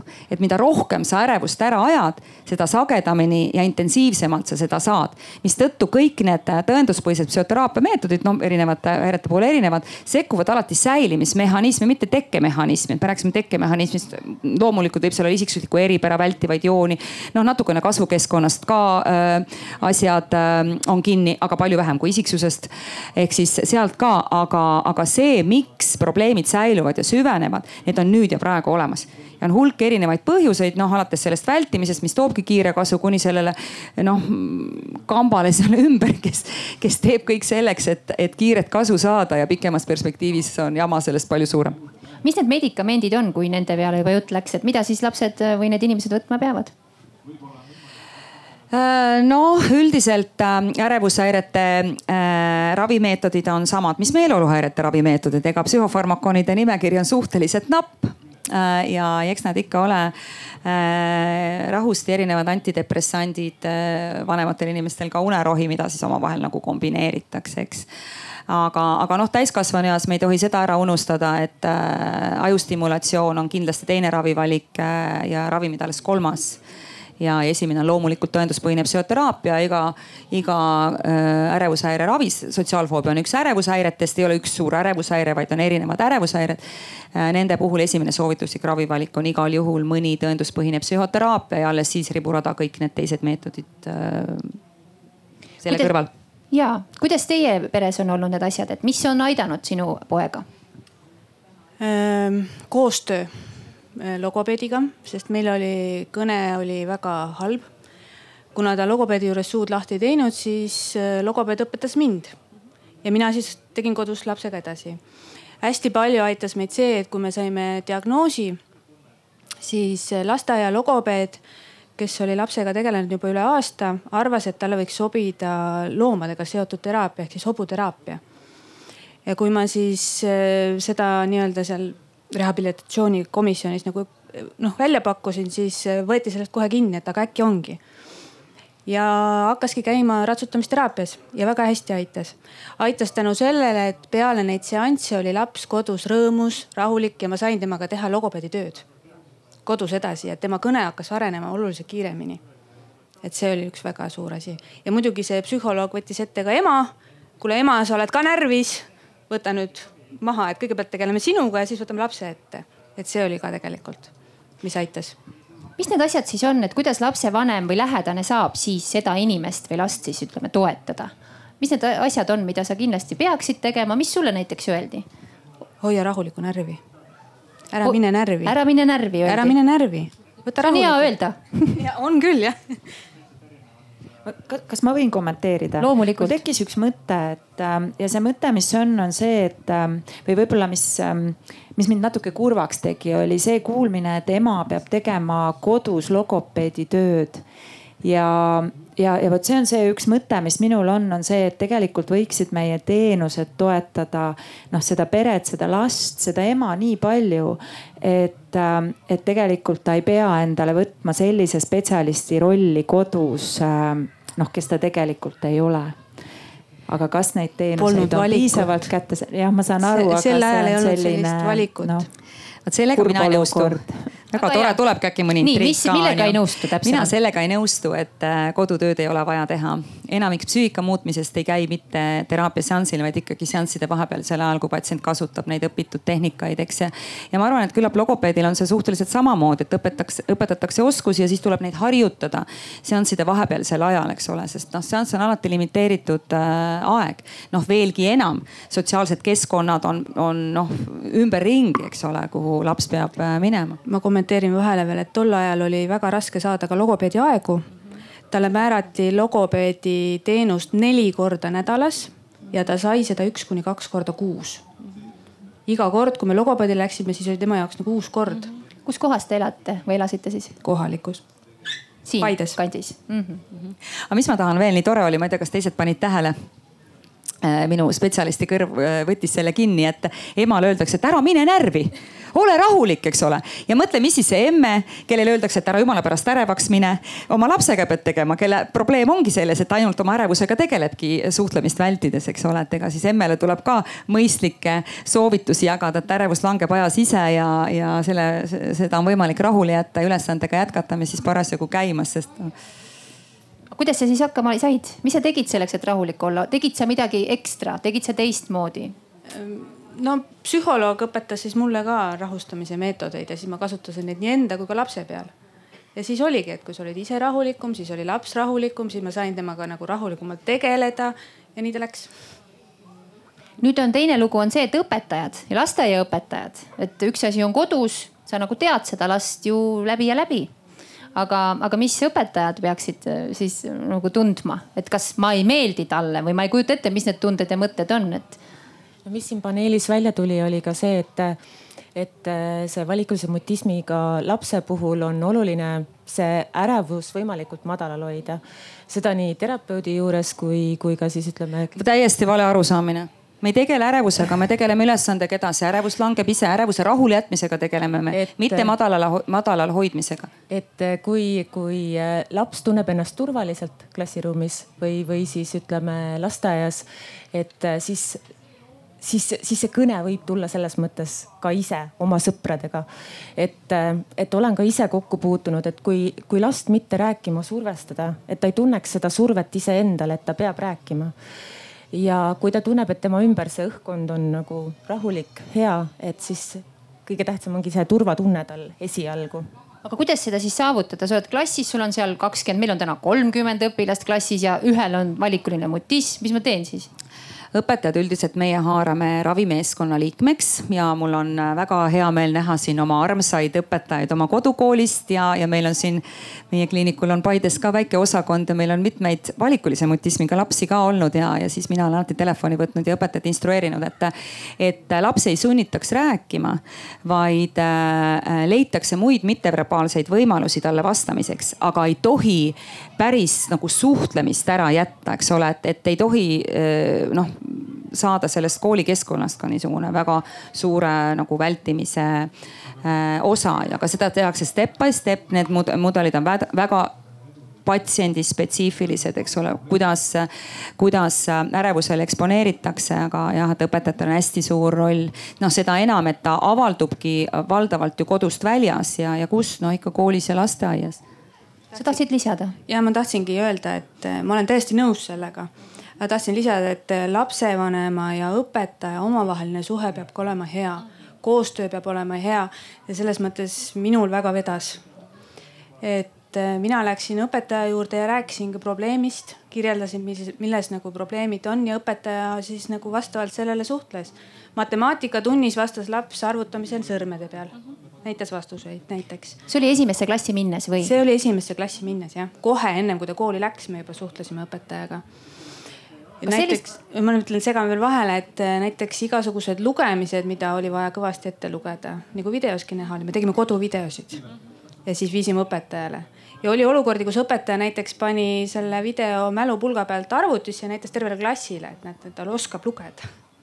selliseid näiteid on et loominguline tuleb olla, ma saan aru. just, kasutage tänapäeva tehnikat. oled loominguline? püüame kas keegi tahab lisada midagi selle koha peal? Äh, ja see tuli magistritöös ka välja, et, et lapsevanemad on seda võimalust kasutanud ja, ja siis ütleme seda lindistamise võimalust kasutanud. aga see on, ütleme jah, probleem võib-olla suuremate laste puhul, kes seda, seda salvestamist enda puhul nagu ei tahaks, eks ole ma praegu ise mõtlen, et kui ma olen lasteaiaõpetaja ja mul on see üks selline laps seal äh, rühmas, siis eks ole, siis on tegelikult ilmselt ka oht, et ta jääb ka kuidagi kõrvale. et noh, et äh, kas on kaks varianti, et kas ma väga tegelen temaga võtan südameasjaks või siis ah, see on see, kes ei räägi, et ole sina, joonistasin omaette ja me nüüd teeme neid asju. et huvitav, kas sellist asja ka on võinud ette tulla või ma ise nagu kujutan ette, et nii võiks olla ja tegelikult üldse nii ei ole. kes meil on siin lasteaias kokku puutunud? ma, ma annan sulle ja siis annan sinna ka ma olen aeg-ajalt tundnud küll, et et noh, ise, ise tahaks nagu rohkem, aga noh, täpselt ongi, et sa pead selle piiri ära tunnetama, et, et millal sa võid talle läheneda ja kuidas, et ühe tüdrukuga oli nagu näide, et ta oli noh, uus rühm ja, ja, ja, ja, ja siis meie suhtlus algas minu nutitelefonis olevast kassipoegade pildist sest ta oli juba kolm päeva seal istunud, tuli meile teisest rühmast ja, ja noh, ma ei lähe talle peale nii ja, ja noh, jälgisin teda sealt ikka niimoodi ja sealt algas see suhtlus, nii et äh, selle peale ta nagu elavnes üksikute sõnadega ja noh, ma aasta aega selle lapsega töötasin, et aga see oli nagu see võti niimoodi, et ma nagu leidsin sellise tee. ja, ja suhtlesime ka rühmas näiteks ühe rühma äh, täiskasvanud liikmega ta terve aasta jooksul mitte ühtegi sõna ei rääkinud, et. see võib-olla ongi isikuti, eks ju, et äh, kellega klapid, kellega ei klapi, noh meil kõigil on ju nii, eks ju tegelikult. väga tore, väga leidlik õpetaja. ja seal oli ka võte. palun rääkige mõtet. on jah? ja nüüd on. Äh, tahtsin kommenteerida seda, et äh, minul oli ka üks laps lasteaias, aga ma ei tea, vaat temal oli nüüd mitmekeelne perekond et kust ma aru saan, kus see mutism hakkas või kus ei olnud, et äh, kodus räägiti vene keelt ja saksa keelt. Äh, lasteaias pidi rääkima eesti keelt, ei rääkinud seda. ja noh, meie kasutasime oma rühmas, kui ta ei rääkinud, ei rääkinudki. et äh, me ei lükanud teda kõrvale, ta ei söönud meil rühmas. oli siukseid hästi palju, pool aastat tekkis, aga siis ei pandud mingisuguseid diagnoose küll välja. see oli juba viisteist aastat tagasi kas me oskame midagi selle peale mõelda? ja mis alguses võib-olla jäi lisamata, on, ongi see, et, et kui laps läheb lasteaeda või kooli, et see valikuline mutism avaldub. aga ka siis, kui laps kolib oma perega teise riiki ehk et tal on nagu mitu keelt, on oma, oma kodukeel ja siis ütleme ka siis see võõrkeel, mida ta juurde räägib. et, et see on ka siis ütleme see ajend, mis. see läks poole aastaga meil üle. aitäh ja seal taga on veel üks tüdruk kes tahab ütelda midagi, väga tore. Mul on küsimus. et, et me õpetajast koolis juba rääkisime, aga koolis on ka tugimeeskond, sotsiaalpedagoog, psühholoog, eripedagoog, logopeed, et mis äh, valikulise mutismi puhul nende roll võiks olla, et kas seal on? Äh, ja kindlasti on, et äh, nagu Katri Eveli ütles, et tegelikult äh, see kõik on koostöö. Et, et saab juhised, ütleme psühholoogilt ja koostöö siis lapsevanemaga ja siis koolisisene meeskond siis töötab välja need meetodid, mis võiks seda last siis nagu kõige paremini toetada. et samm-sammult, et, et luua neid suhtlusolukordi lapsele, aga samas niiviisi, et, et ta selle juures ei tunneks ennast nagu survestatult sest üsna tavaline tegelikult on ju see, et me ütleme lastele kogu aeg, ütle nüüd seda, tõukad veel tagant, eks ole, et noh, et ja siis sa ei või kunagi teada, äkki nüüd läks midagi ikkagi valesti mm. -hmm. väga tore, kas on veel mingeid mõtteid, tundeid, mida tahaks väljendada, küsimusi, ihasid, mida kõike võib inimestel olla? palun. selline küsimus, et. vabandust, meil on nüüd kaks küsimust korraga. et äh, ma annan sulle ka ah,. tere, ma tahtsin küsida, kas on negatiivseid näiteid ka äh, kooli poolt just? no et kus üldse nagu lõpuks enam hakkama ei saa. meil küll on, meil küll on, me ei saa vahest õpetajaid uh -huh. koostööle. ja, ja, ja need on kõige keerulisemad olukorrad, eriti kui pere on väga motiveeritud ja ja, ja lapsega on hea kontakt saadud ja meil on ilus raviplaan ja meil oleks vaja tegelikult nagu keskkonnaüleselt neid tehnikaid ju rakendada, eks ole, et. et ja, ja vahest tõesti õpetajad ei ole nõus minu küsimus oligi natuke sealt edasi lähen siit, et äh, mis on see mõte, mida õpetajale pähe panna, et kui ta tahaks alguses teha niimoodi, et noh, saad ju küll, äh, ütle, siis mis on see väike asi, mida õpetaja saab teistmoodi mõelda, et äh, paremini selle olukorraga siis toime tulla?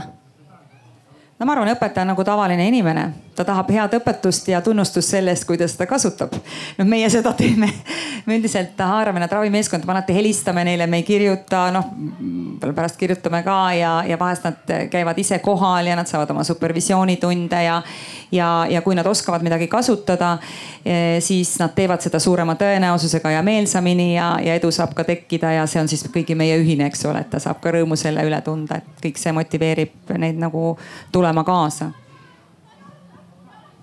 ilmselt, kas on nii, et ei pea ennast nagu pahasti tundma, kui sa oled õpetaja lasteaias ja siis sinu rühmas satub olema see laps esimesel päeval, kes nüüd ei räägi, et äkki just sina talle ei meeldi või noh, mis need mõtted võivad olla, et tegelikult see vist päris nii mul ei ole. mul on nii toredaid äh, juhtumeid ja siinsamas Järvamaalgi, et, äh, et äh, Äh, käivad äh, teenusel justkui psühhoteraapias äh, mul õpetajad, tegelikult nad käivad supervisioonis õppimas oskusi mõne konkreetse lapsega toimetulekuks või siis lastega toimetulekuks, eks, et see supervisioon on õppimise vorm ja, ja, ja noh, väga paljud koolid, lasteasutused seda ka ise rahastavad, aga, aga tõesti, mul on üks toredaid näiteid, kus inimesed noh tulevad ja tasuvad selle teenuse eest ise väga tore, kas on veel kätemeri või praegu nüüd ei ole? hetkel ei ole. teate, nüüd on meil üks täitsa tore võimalus. meil on võimalus suhelda Leaga, kes ei ütle meile ühtegi sõna tõenäoliselt, aga kirjutab. ja meil on mõned küsimused ja ma loen need ette ja siis vaatame ekraani peal, mida Lea meile vastab. Lea, kas mäletad, millal valikuline mutism sinu puhul ilmnes?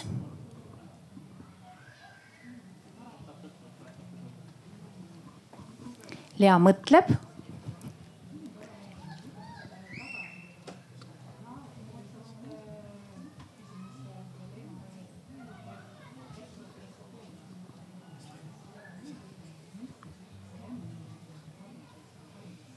ja kui Leal peaks olema praegu abi tarvis, siis keegi aitab teda. sest ega see vestlus, meie võime siin omavahel jutustada küll ja veel, aga tehnika on vahel praegu ja seal võib ette tulla üht koma teist. Ma selle aja veel räägin uuesti sellesama loo võib-olla Lea Kutserist, et, et kes ta on. et äh, valikuline mutism on siis tema diagnoos ja see tekkis tal kuueaastaselt. et kõigepealt lakkas kõnelemast lasteaias ja siis ka kodus ja läbi rohtude, teraapiate ja nõustamiste on ta jõudnud nii kaugele, et tänaseks päevaks räägib vabalt viieteistkümne inimesega ja nende inimeste hulka kuuluvad siis pereliikmed, lähisugulased ja sõbrannad. ja nüüd tuli ka Lea esimene vastus meile. kas ma loen selle ette, sest vist sinna taha ei näe, eks ole? jah, mäletan, olin kuueaastane. nüüd ei näe mina lugeda alguses, kui mul see tekkis, lakkasin rääkimast lasteaias, hiljem ka kodus mõnda aega ei rääkinud ma mitte kellegagi, olin ärev, depressiivne, endasse tõmbunud, tagasihoidlik ja oma käitumise suhtes kontrolliv viibisin kuu aega Tallinnas psühhiaatria haiglas laste osakonnas. sain diagnoosi valikuline mutism. rohtude abiga hakkasin kõigepealt rääkima õega, seejärel vanematega, hiljem mõndade lähisugulaste ja ka sõbrannadega. väga hea. Läheme järgmise küsimuse juurde. ja järgmine küsimus Leale on selline. milline oli sinu kooliaeg, kuidas sa ennast koolis tundsid? Ja nüüd tuleb sama protseduur läbida, mis ka esimesele küsimusele vastates. tundub, et Lea on olnud äh, väga nutikas, et ta on küsimused juba läbi mõelnud ja vastused tulevad siia nagu naksti meie ette.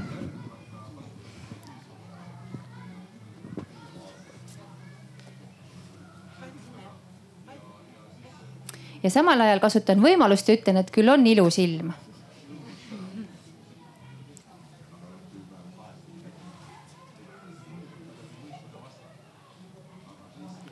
kooliaeg. minul oli koolis ka üks äh, tüdruk klassis, äh, kes võis midagi sarnast tunda kui valikulise mutismiga inimesed äh, sest et ja meil siis oli ka, et oli vaja koolis klassi ette minna. seda oli vaadata juba kohutavalt kurb, aga jätkuvalt seda sunniti tegema. täna ma loodan, et enam niimoodi ei ole. nii, Lea vastab. kuni kaheksanda klassi lõpuni käisin ma oma kodukoha koolis see oli tihti raske. kogesin tõrjumist ja kiusamist. muidugi oli mul, olid mul mõned sõbrannad, aga kogesin ka palju üksindust. õppeedukus oli mul hea, õppisin mida teisedki, aga ei pidanud suuliselt vastama. üheksanda klassi käisin väikeses erakoolis. eelmisest lahkusin kiusamise tõttu. uues koolis oli probleeme vähem ja sain tegeleda oma huvialadega. mul oli tore kooliaasta peale üheksandat klassi sain keskhariduse täiskasvanute keskkoolis väga hästi. asi, tubli. et äh, see, see koolikiusamine võib olla selline kas see on üks asi, mis võib kaasas käia? on küll, et äh, üldiselt, kui me vaatame elu anamneesi näiteks täiskasvanuealisel sotsiaalfoobsel patsiendil, siis äh, tihti on äh, esimesed episoodid äh, noh, või kus haigus on nagu arenema hakanud äh, koolikiusamisega tegelikult seotud.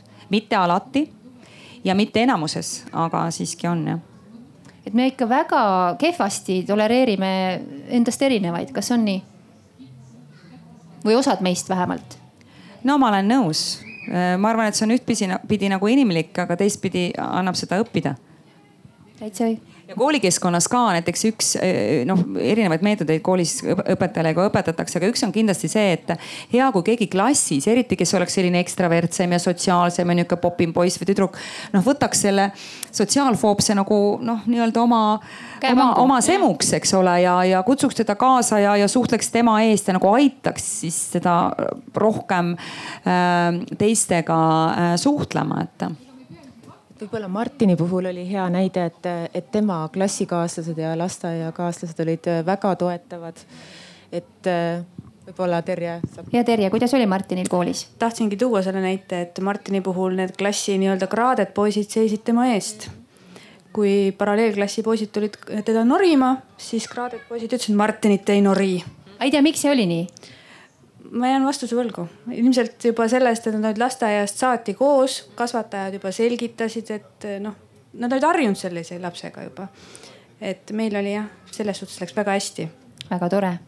Läheme Lea kolmanda küsimuse juurde. milline näeb välja sinu tavapärane tööpäev? kuidas sa suhtled oma töökaaslastega?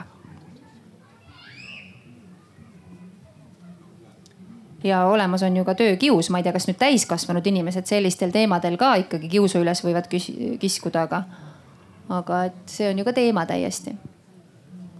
nii ja Lea vastab. minu tööpäev algab kell kaheksa hommikul, tavaliselt jään mõned minutid hiljaks, teen liinitööd. saan päevas teha kolm pausi, kaks viieteistminutilist ja üks kolmekümneminutiline lõuna. väga palju pole mul vaja suhelda, vajadusel kasutan pastakat ja vihikut omaette töötamine on mulle küll meelepärasem, aga meeldib ka oma kolleegidega suhelda. olenemata sellest, et mõnikord kaootiline on, üritan oma tööd rahulikult võtta. tööpäev lõpeb kell viis õhtul. töötan esmaspäevast reedeni saan oma töö tehtud, aga kuna ma ei näe, et mul oleks eriti arenemisvõimalusi, pole mul ka väga palju motivatsiooni. mõnikord on mul olnud tunne, et mind peetakse rumalaks, sellepärast et mul mingisugune diagnoos on. see on nüüd küll kurb. Mis me sellest arvame? kas äh, see on nüüd selline asi, mis võib sellise diagnoosiga kaasas käia või iga sellise vaimse tervise küsimusega äh, kaasas käia, see, ega see töökius otseselt no, ei ole, aga ega inimesed üldiselt vältimist kalduvad tõlgendama väga negatiivselt, et äh, täisealised sotsiaalfoobsed patsiendid tihti saavad nagu teiste kriitika ja hinnangute osaliseks, noh, mitte oma ärevuse, vaid, vaid äh, nende ärevusega toimetuleku strateegiate tõttu, mis võivad jätta nendest sellise hästi ülbe ja üleoleva mulje, eks ole. et kui ma räägin sinuga ikkagi lühidalt ja ma ei vaata sulle otsa või, või ma lähen poole vestluse pealt minema või ma üldse ei tule, kui sa mind kutsud, eks ole, siis võidakse arvata, et nad on sellised uhked ja upsakad, ülbed äh, inimesed, mida nad noh, ilmselgelt loomulikult ei ole. aga need ärevusega toimetuleku strateegiad, ärevus ei paista välja, tema on meie meie sees, ta on subjektiivne emotsioon, keegi näed, su kõhus keerab või, või süda klopib, aga, aga need strateegiad, mida patsient kasutab, loomulikult paistavad välja ja nad jätavad noh patsiendist sellise mulje aga mis siis teha, et kas see on see, et siis peab tulema õppima, et kuidas ma siis võiksin jätta endast mulje, et ma olen adekvaatne, mida ma ju ka olen, lihtsalt mul on ärevus. loomulikult ärevus tuleb rahule jätta, ega see, et ma ei vaata sulle otsa ja ma ei räägi ja, või ma tegelen kõrvaliste tegevustega või ma ei lähe üldse, on kõik ärevusega toimetuleku strateegiad ja, ja kui ärevus ei paista välja, siis need strateegiad loomulikult reedavad sinu ärevust, eks ole, aga kuna ärevus langeb aja sisse, siis oleks mõistlik jätta see ärevus rahule ja tegeleda ülesandega edasi, sest nagu ma ütlen, ärevus tõesti ei võta mõistuspõhist sõnu sust jalgu alt, et ta on evolutsiooniliselt tähtis tunne, ta peab tekkima, eks ole, olukorras, kus on reaalne oht, aga, aga siin ju reaalset ohtu ei ole, siin on noh, üldjuhul muretseja patsient, kes väga kõrgete standarditega läheb sinna olukorda, ma ei tea, mitte ärev olema või meeldima või tark tunduma või nautima või, või ma ei tea, adekvaatne näima, eks ole, rahulikuks jääma ja, ja see kõik sikutab ärevus hästi kõrgele, et jah, et seal on justkui nagu selline äh, äh, sisemine ja välimine, sul on kogu aeg vaja nagu otsida mingisugust äh, noh balanssi seal vahel, eks ju, et kuidas ma näin, mis ma ise tunnen ja kuidas see siis kõik. no kuna ärevus on hästi vastik tunne, siis patsiendid arvavad, et sama õudne paistab see ka välja aga me ju teame väga hästi, et ärevus tegelikult ei paista välja, eriti kui sa jätad ta rahule ja jätkad tegevust, mis on pooleli, eks, et. oh, see mantra on sul ka ja nii, Lea küsimus ja vastus Äh, kuidas sul sujub kohanemine uues keskkonnas, kuidas sa suhteid äh, oled loonud? üldse siis ma saan aru uute inimestega, kuidas sa suhteid oled loonud?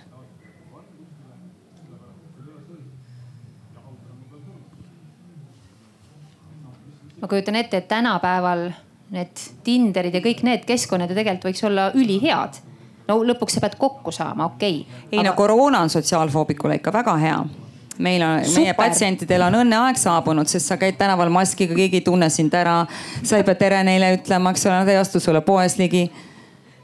täpselt, tundub nii ja. niimoodi, vastus on selline, Leal. kohanemine uues keskkonnas võib mõnikord keeruline olla, võtab aega. kuigi sa ei tea, kuidas inimesed su olukorrale reageerivad, on see ärevust tekitav, kui sa ei tea tihtipeale on rahvarohkes kohas veelgi raskem. näiteks Tartusse õppima minek lõppes depressiooni diagnoosiga mõnikord pean oma valikulist mutismi selgitama. inimeste reageeringud on olnud erinevad, olen kogenud nii mõistmist kui ka hukkamõistu. ka suhete loomine pole lihtne olnud. enamasti inimesed leiavad mind. harvem või harvem, kui oled äh,, olen tundnud rohkem uudishimu ja julgust, olen ise inimesega tutvust loonud. esmalt olen muidugi natuke välist vaatlust pidanud mm. -hmm aga mis see siis nüüd tähendab seda, et tegelikult see õppima minek äh, siis jäi pooleli selle tõttu, ma saan aru praegu siit niimoodi ei jäänud. lõppes ikkagi, said hakkama. põdesid ja ravisid ja, ja said, said äh, korda. kas siin on midagi meil öelda või on see kõik nii selge, et? minu meelest on öelda, et väga tubli äh, klient toimetab oma ülesannetega edasi, sest ega, e-, ega mis on nagu lõppeesmärk, kui me ravime ärevushäireid. E, sest muretsemine, ärevus langevad ajas üldiselt üsna hästi, et, et ärevushäired on, on vägagi ravitavad haigused, väga hästi ravitavad haigused muideks e, aga mis siis lõpuks alles jääb, alles peab jääma normaalne elu, eks ole, et kus me lähme õppima ja, ja suhtleme teiste inimestega, meil on hobid, huvialad ja, ja me tegutseme, toimetame oma igapäevaseid tegemisi pidi, eks, et, et mulle tundub, et see tuleb hästi välja. et Lea on tubli ja väga tubli. viies küsimus, kes on sind aidanud, millist toetust vajasid ja ootasid? ilmselt siis ka täna. et on need asjad tõenäoliselt sarnased. aga mine tea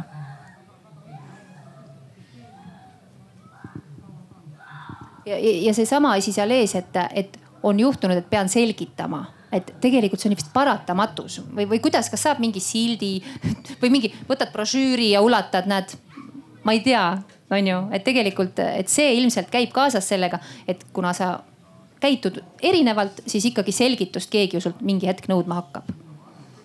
või ei ei noh, küsimustele ikka vastatakse, eks, et, et ma arvan, et, et eriti noh, kui on täisealine sotsiaalfoobne patsient, siis, siis ega see, et ma jah, et ma olengi natuke uiadam ja häbelikum ja võib-olla väldingi rohkem ja hoian rohkem omaette, et, et ega see nagu paha ei tee, aga, aga see on väga kõrge eksponeerimine rääkimaks oma, oma probleemidest no, eks ole, et see on väga ärevust äh, tekitav. täpselt, et see on justkui mm -hmm. nagu ah, ei saa lahti. no eks see meilt kõigilt eeldab ikkagi seda, et me aktsepteerime inimesi sellisena, nagu nad on ja, ja, ja suheldud äh, me nendega ju saame, eks ole, kasutades erinevaid meetodeid on see täiesti võimalik mm. -hmm nii, Lea vastab, kuigi olen mõne koha pealt iseseisva loomusega, aitab mind tugiisikuna kõige rohkem igapäevase äh, elu asjaajamistega sotsiaaltööd õppinud ema.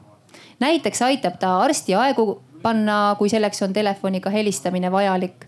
lisaks on ema aidanud leida lahendusi, kuidas erinevates olukordades ise hakkama saada. vajadusel nõu andnud või minu kaitseks välja astunud. ohoo, see on tore. koolis oleks võinud rohkem abi olla kiusamise vastu vot siin on küsimus, eks ju, kes kõike muutis keerulisemaks ka see, et temal ei olnud tol ajal vajalikku informatsiooni ega tugi ega tuge, tõenäoliselt ei teatud, mis see siis on. ta pidi ise lahendused leidma ja loota sai vaid iseendale, see oleks võinud olla teisiti.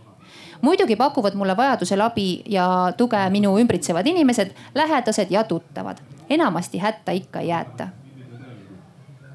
see on jah, mõlemat pidi, lootustandev, eks ju ja tore, et ema on nii toetav ja mõistev. ilmselt on see väga oluline, et su pere oleks mõistev, sest kui seda nüüd ka ei ole, no siis on ikka päris suur jama ju ja muidugi. jah, no ma mõtlen kaasa nagu ma palusin aga, ka teistel. see näitab ikkagi seda, kui oluline on meie valdkonnas äh, esiteks äh, õige diagnoos ja palun arvestage sellega, et psühhiaatrias me töötame komorbiidses maailmas, see tähendab, meil on alati rohkem kui üks psüühikahäire mitte harva rohkem kui üks, vaid alati rohkem kui üks. meil on väga oluline diferentsiaaldiagnoosimine, eks, et siis psüühikahäired, nemad armastavad tõesti teineteist ja käivad meil kambakesti koos. ja, ja teine asi, mis on ääretult oluline on see, et patsient ja tema perekond oleks häirest haritud, et nad saavad aru, mis toimub ja miks see probleem säilub või üle ei lähe, et, et ärge minge oma psühhiaatri või, või kliinilise psühholoogi juurest ennem minema, kui ta ei ütle teile, mis haigus teil on ja miks ta üle ei lähe, sest noh, sinna kaasaegne psühhiaatria äh, sõltub, sest ei kujuta ette, kui palju meie oma töös näeme seda, et, et me küsime patsiendi käest noh, varasemad pöördumised, kõik ravid ja nii ja naa ja noh, et teil hakati ravima, et noh, et kas teil on diagnoositud mõni psüühikahäire. ma ei tea, kas on, on ju, aga midagi ravima hakati patsient ei tea, mida tal ravitakse, aga midagi ravitakse, no see ei ole mõistlik psühhiaatria. ja, ja noh, ega patsientide poolt ka peab tulema seda meelekindlust, et ma tõesti uurin, et mis kuramus siis minuga toimub, on ju ja, ja see on loomulikult psühhiaatri, kliinilise psühholoogi ülesanne talle seda seletada, eks. aga mis see tähendab, teisel juhul on siis lihtsalt ahah, ahah, kirjutab üles arst ja annab rohud ja mine võtma. no täpselt nii ongi. no see on ju ebareaalne. see on realistlik olukord praegu täitsa jama irratsionaalne, aga reaal, reaalne jah. ja kas sina ka kommenteerid siia vahele natukene seda, mis Lea nüüd on siin kirjutanud ja öelnud ja kas, kas sul on mingeid äratundmisi?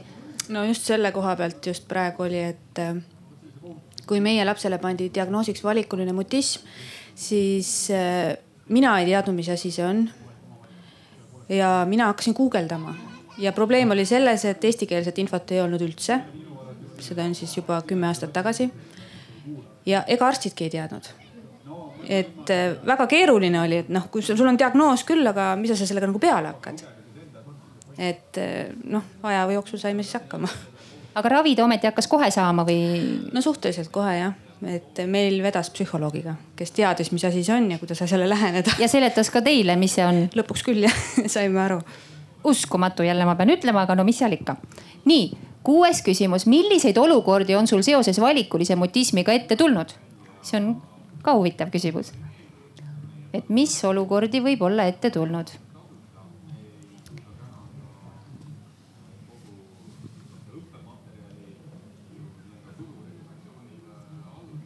või on meil siin kellelgi mõni huvitav selline lugu, mis kohe ups pähe tuleb, et millegipärast oli eriline? Minu, minul tuleb äh, Martiniga selline olukord meelde, et, et ma teadsin, et Martin ei räägi ja ma teda kuidagi noh, tol hetkel äh, erialaselt kokku ei puutunud ka. ja ma teda kuidagi era, e-, eraldi ei survestanud. aga ükskord oli vaja küsida mingi eksprompt küsimus kogu selle poiste hulga käest ja Martin kuidagi reageeris ja, ja vastas sellele lühidalt paarisõnalise lausega. ja see, see oli mu jaoks üllatus. Et ta reageeris? väga tore. ja nüüd on selline jutt ükskord tekkis mul olukord politseinikega, kuna olin kodus helkuri ühelt jopelt teisele tõstnud, võtsin kooli äh, õpilaskodusse kaasa kogemata helkurita jope. kui käisime klassiga väljasõidul, jäingi politseile vahele sellise asjaga. Nad kurjustasid seal minuga ja mina üritasin neile oma tolleaegsesse nuputelefoni selgitust kirjutada, aga sellest ei tulnud midagi välja. Nad ei mõistnud, mis toimub ja kannatus sai neil ka otsa. lõpuks mulle lihtsalt anti helkur ja sõideti minema. Lea väga põnev lugu on juhtunud sinuga. olen varem käinud arstil, kus arst on riidlema hakanud, et lapsedki vastavad talle ilusti, miks mina ei vasta hmm.? ükskord psühhiaatriakliinikus registratuuris hakkas üks naine minu peale kohe esimese asjana karjuma, kui ta verbaalset vastust oma küsimustele ei saanud. ma loodan, et see inimene ei tööta seal enam. mind on autistlikuks peetud, mind on kurdiks peetud erinevaid olukordi on kindlasti veel olnud, kõik ei tule lihtsalt meelde. muidugi on ka tekkinud selliseid olukordi, mis on naljakamad. ükskord bussipeatuse, bussi astudes peale oma sihtpunkti sildi näitamist näitas bussijuht mulle viite püstist sõrme, piletiraha summat on ette tulnud olukordi, kus minuga on hoopis inglise keeles suhtlema hakatud. ju, ju sa siis ei oska jah eesti keelt räägime siis selles keeles. väga tore, Lea ja tegelikult siis siin on meil see viimane küsimus äh, kirjas ja siis saame me kõik ise küsida, et mõelge nüüd välja, mis me tahame Lea käest teada. Lea, mis on sinu unistus? kas Martinil on unistus, oled sa saanud teada? olete te sellest rääkinud? ei ole rääkinud. selge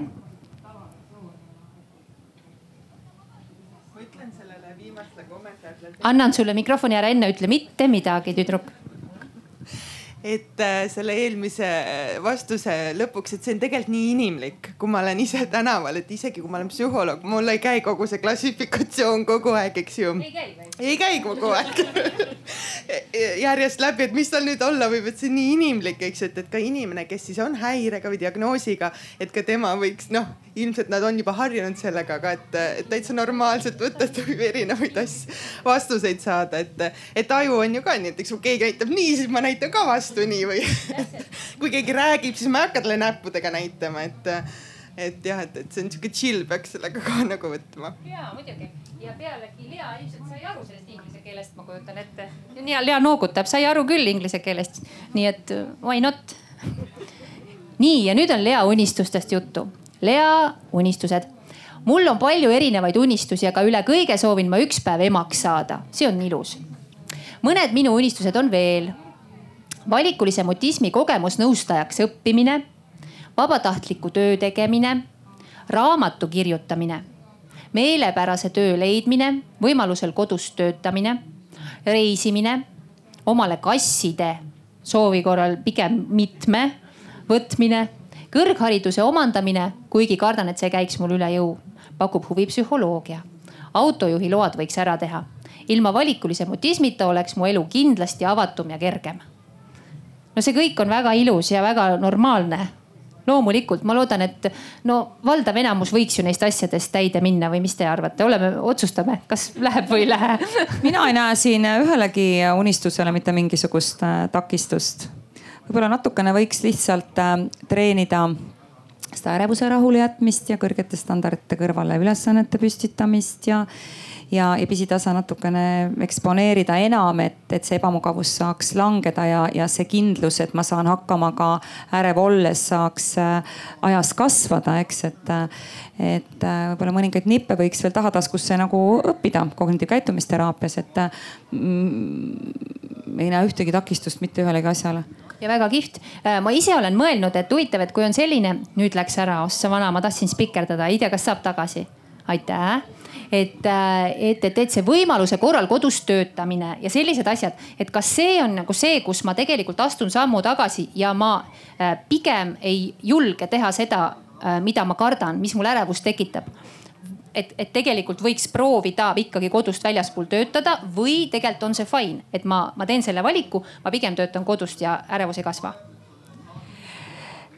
No kindlasti äh, väga suurel määral sotsiaalsete kontaktide vältimine ei aita seda patsienti, see on lühiajaline kasu psüühikale, see ei ole kõige parem, parem asi, aga nihuke osaline noh, toimetamine kodus ja, ja koduväliselt, et siis mulle hästi meeldis, et eh, klient kirjeldas ka seda, et noh, mulle ikkagi meeldib töökaaslastega suhelda, ma ei tea, kas te panite tähele, et, et noh, ikkagi ma eh, noh, räägin nendega juttu, see on ka täitsa tore ja, ja mulle meeldib, kui minuga võetakse ühendust ja, ja tullakse minuga rääkima, eks, et see kõik jääks ju siis ära.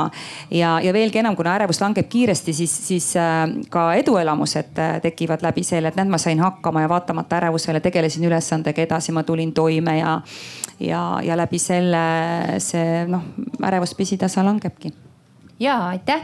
nii, nüüd on küsimus Meri-Leale, palun meie kõigi poolt, kes me siin oleme ja kes sealpool siis on. nii mitu küsimust juba näen, viis, kuus, seitse, kaheksa, üheksa kätt, nii kust me alustame? keegi ei tõstnud, ma midagi ei ole teha, ma siin lihtsalt kultiveerin, et äkki keegi tahab küsida, kas nii ebahuvitav asja tulite kuulama ja üldse huvi ei paku, ei ole hullu, onju. Ma arvan, et tegelikult vist Lea vastas päris paljudele küsimustele, ma arvan, et me saime, me saime Least päris palju teada. Ja ilma selleta, et oleks meil arvuti tänapäeval, me ei olekski ju teadnud neid asju. nii et selles mõttes on see igatpidi väga tore. aitäh sulle, Lea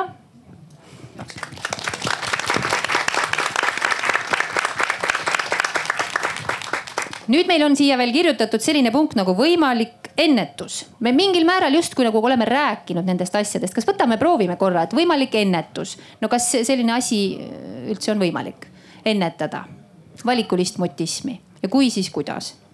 ka vist äh, väga otse kuidagi nagu ennetada ei saagi selles mõttes, et äh, kui see probleem ilmneb, et ta ju ilmnebki lasteaias, et, et siis saadakse justkui alles teada, et, et see valikuline mutism eksisteerib lapsel. et kuidas võib-olla ennetada ja toetada, on äh, algus kodus. et seda enesekindlust hoida üleval.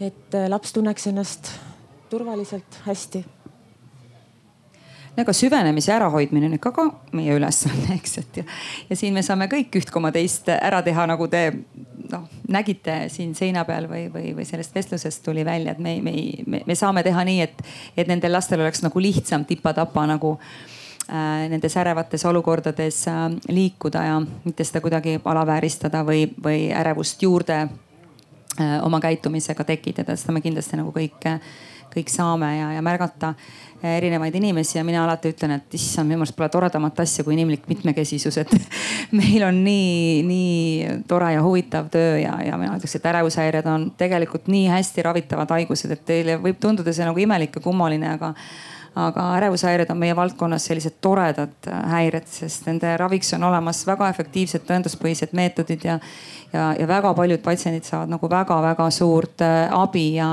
ja, ja ükskõik millal võib pöörduda, et ei pea ootama, kui probleem kasvab, see on alati küsimus, et noh, millal pöörduda, kas nüüd on juba õige aeg, kui sa juba nii küsid, siis juba ongi. sest ega muretsejad emad äh, on ka meie äh, sihtrühmaks, sellepärast kui ema muretseb, siis ta on ärev ja siis ta kasutab ka võib-olla ebakohasemaid toimetulekustrateegiaid ja, ja õpetab võib-olla lastele või lapsele hirme säilitavaid meetodeid äh, juurde, et, et see on ka hästi oluline, et lapsevanemad oleks nagu toetatud ja, ja, ja alati, absoluutselt alati võib, võib tulla. Terje, kuidas sina võtaksid selle meie vestluse täna siin kokku? mis, mis on, kuidas, kuidas sa tunned, et, et mismoodi meil läks, ma küsiks nii kõigepealt väga hästi läks. kuidas sinul läks? hästi. ellu jäin väga hea. aga et kuidas. kas ärevust oli? ikka loomulikult. no näed, vaatamata sellele rääkisid nii pikalt nii privaatset infot, et ma tegelikult tahtsin lisada veel selle natukene teie jutule juurde et lapsevanemana on hästi minu jaoks oluline jätta lapsele selline turvaline kodune keskkond, kus ta saab ennast nii-öelda maha laadida ja soodustada talle siis nii-öelda neid sõpru, kellega ta nagu suhtleb või sellist sotsiaalset võrgustikku, tema jaoks turvalist sotsiaalset võrgustikku nagu soodustada, et käid sõpradega, viitade sõprade juurde mängima või kutsud sõbrad külla või noh, kõik sellist.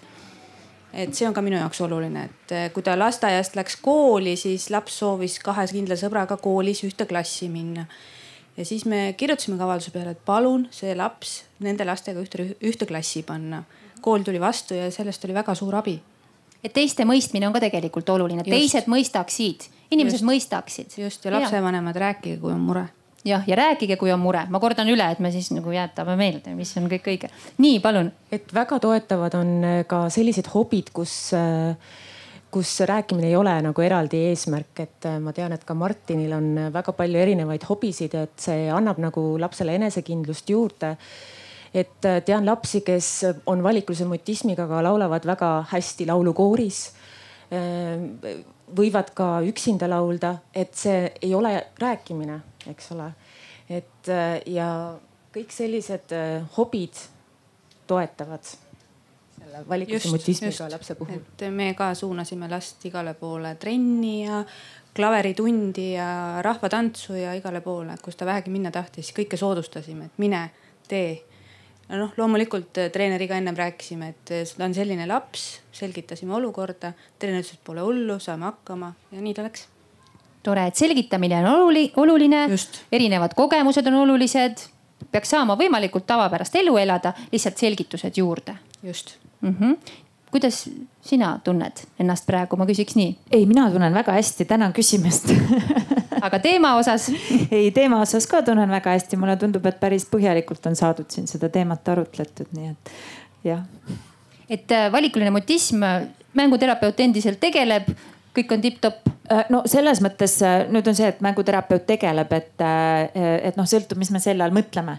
et otse loomulikult valikulise mutismiga lapsed võivad mänguterapeudi poole pöörduda.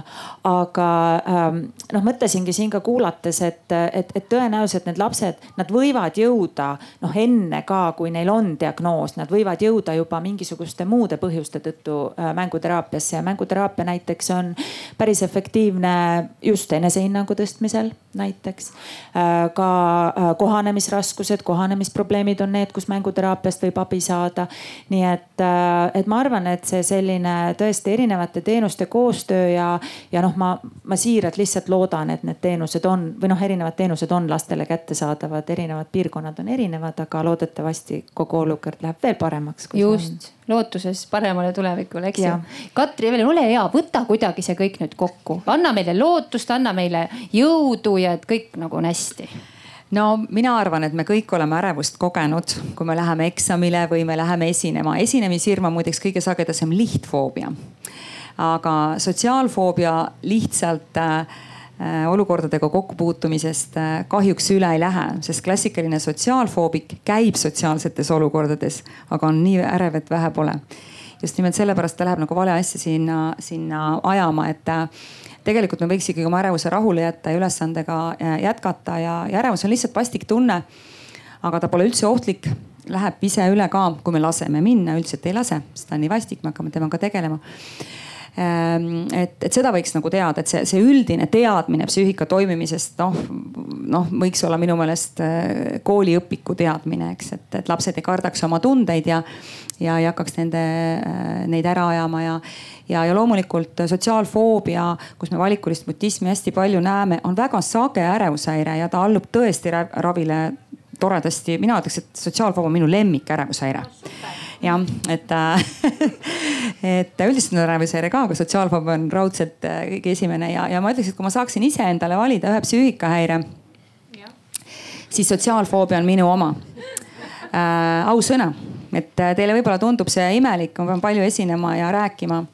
aga mul on väga kõrged standardid ja ma olen alati esinema tulles väga ärev ma arvan täna ka noh, kuna teema on mul tuttav, võib-olla ärevust oli seal mingi viis-kuus palli, aga mu süda kloppis ja kõhus keeras ja, ja pea käis ringi ja, ja noh, käed läksid ka natuke märjaks.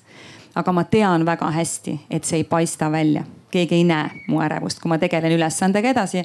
ja ülesanne tõesti täna ei olnud väga targalt meil tunduda või perfektselt siin lava, lava peal olla, vaid ikkagi vastata küsimustele ja kui ei oska vastata, siis ütled, ma ei tea oskab vastata sellele. ehk siis tegeleda ülesandega eh, edasi ja, ja see ongi nagu kõige-kõige tähtsam, et. nii tore on kuulda, et me kõik oleme inimesed ja me kõik tegeleme oma asjadega nii, nagu me oskame. ainult, et tore oleks, kui siis saaks kuskilt adekvaatset infot, et kuidas siis paremini tegeleda. aa ja ma tahtsin kommenteerida ka, Triinu, ma arvan, et praegu on täiesti õige aeg neid teste laiali jagada äh,. igale ühele näppu äh,, näppu anda, kes tahab, on ju. et äh, olge head, see tegemist on tegelikult ühe kliinilise skaalaga kus te saate siis erinevates olukordades, erinevates sotsiaalsetes olukordades hinnata oma ärevust äh, ja, ja vältimise määra ja täiesti iseseisvalt teistele näitamata seda skoorida. pöördel on skoorimise juhend, nii et, et äh, siis saate teada, kuidas teil endal selle sotsiaalse ebamugavustundega lood on. ja siis äh, pärast seda, et ei peaks hakkama siis äh, mõtlema, et mul on midagi väga palju viga, et siis võib kohe abi otsida, kui tundub, eks ju. et ei pea jääma üksi mõtlema, et issand, issand, mul on kõik punktid täidetud. no kui te saate seal väga kõrgeid skoore no ärge siis ikka ennast päris üksinda ka jätke, et, et siis tasub ikkagi kliinilise psühholoogi poole psühhoteraapiasse pöörduda. ja mina tänan teid kõiki südamest, südamepõhjast, alt ja pealt aitäh, et meie olime siin nii julged, saime hakkama, südamed kloppisid, aga no ilma selleta polekski nagu saanud ka siin istuda, et süda ei klopiks. ja teie, nii tore, et te tulite, muidugi miks mitte tulla, aga valikuid oli ju veel, valisite meid, suur tänu. viimane küsimus veel. Ehm, viimane küsimus on see, et kes hääletab, et valikuline mutism eh, on see, pane palun tagasi see esimene, mis siin oli, kuule alguses kõige esimene valikuline mutism ah,, häbelikkus oli jah? kas, kas valikuline mutism on lihtsalt häbelikkus, kes arvab, et valikuline mutism on lihtsalt häbelikkus, tõstab praegu käe. nii kaks inimest, väga huvitav. aga mis ülejäänud arvavad ühesõnaga, ma saan aru, variante on erinevaid, eks need ei ole lihtsalt üksteist äh, välistavad terminid, et, et isiksuse profiilis neil on hästi kõrgelt vältivaid jooni sotsiaalfoobikutel ja mis see siis muud on maakeeli kui tegelikult häbelikkus, et, et, et neil on häbitunnet hästi palju ja, ja süüd ja ärevust, et, et nad, nad ei ole nagu noh, teineteist välistavad, nii et päris ei saa öelda, et. ja väga hea, et ma seda siis küsisin, nii et ma soovin teile kena õhtut, olge tublid ja saame hakkama, eks. aitäh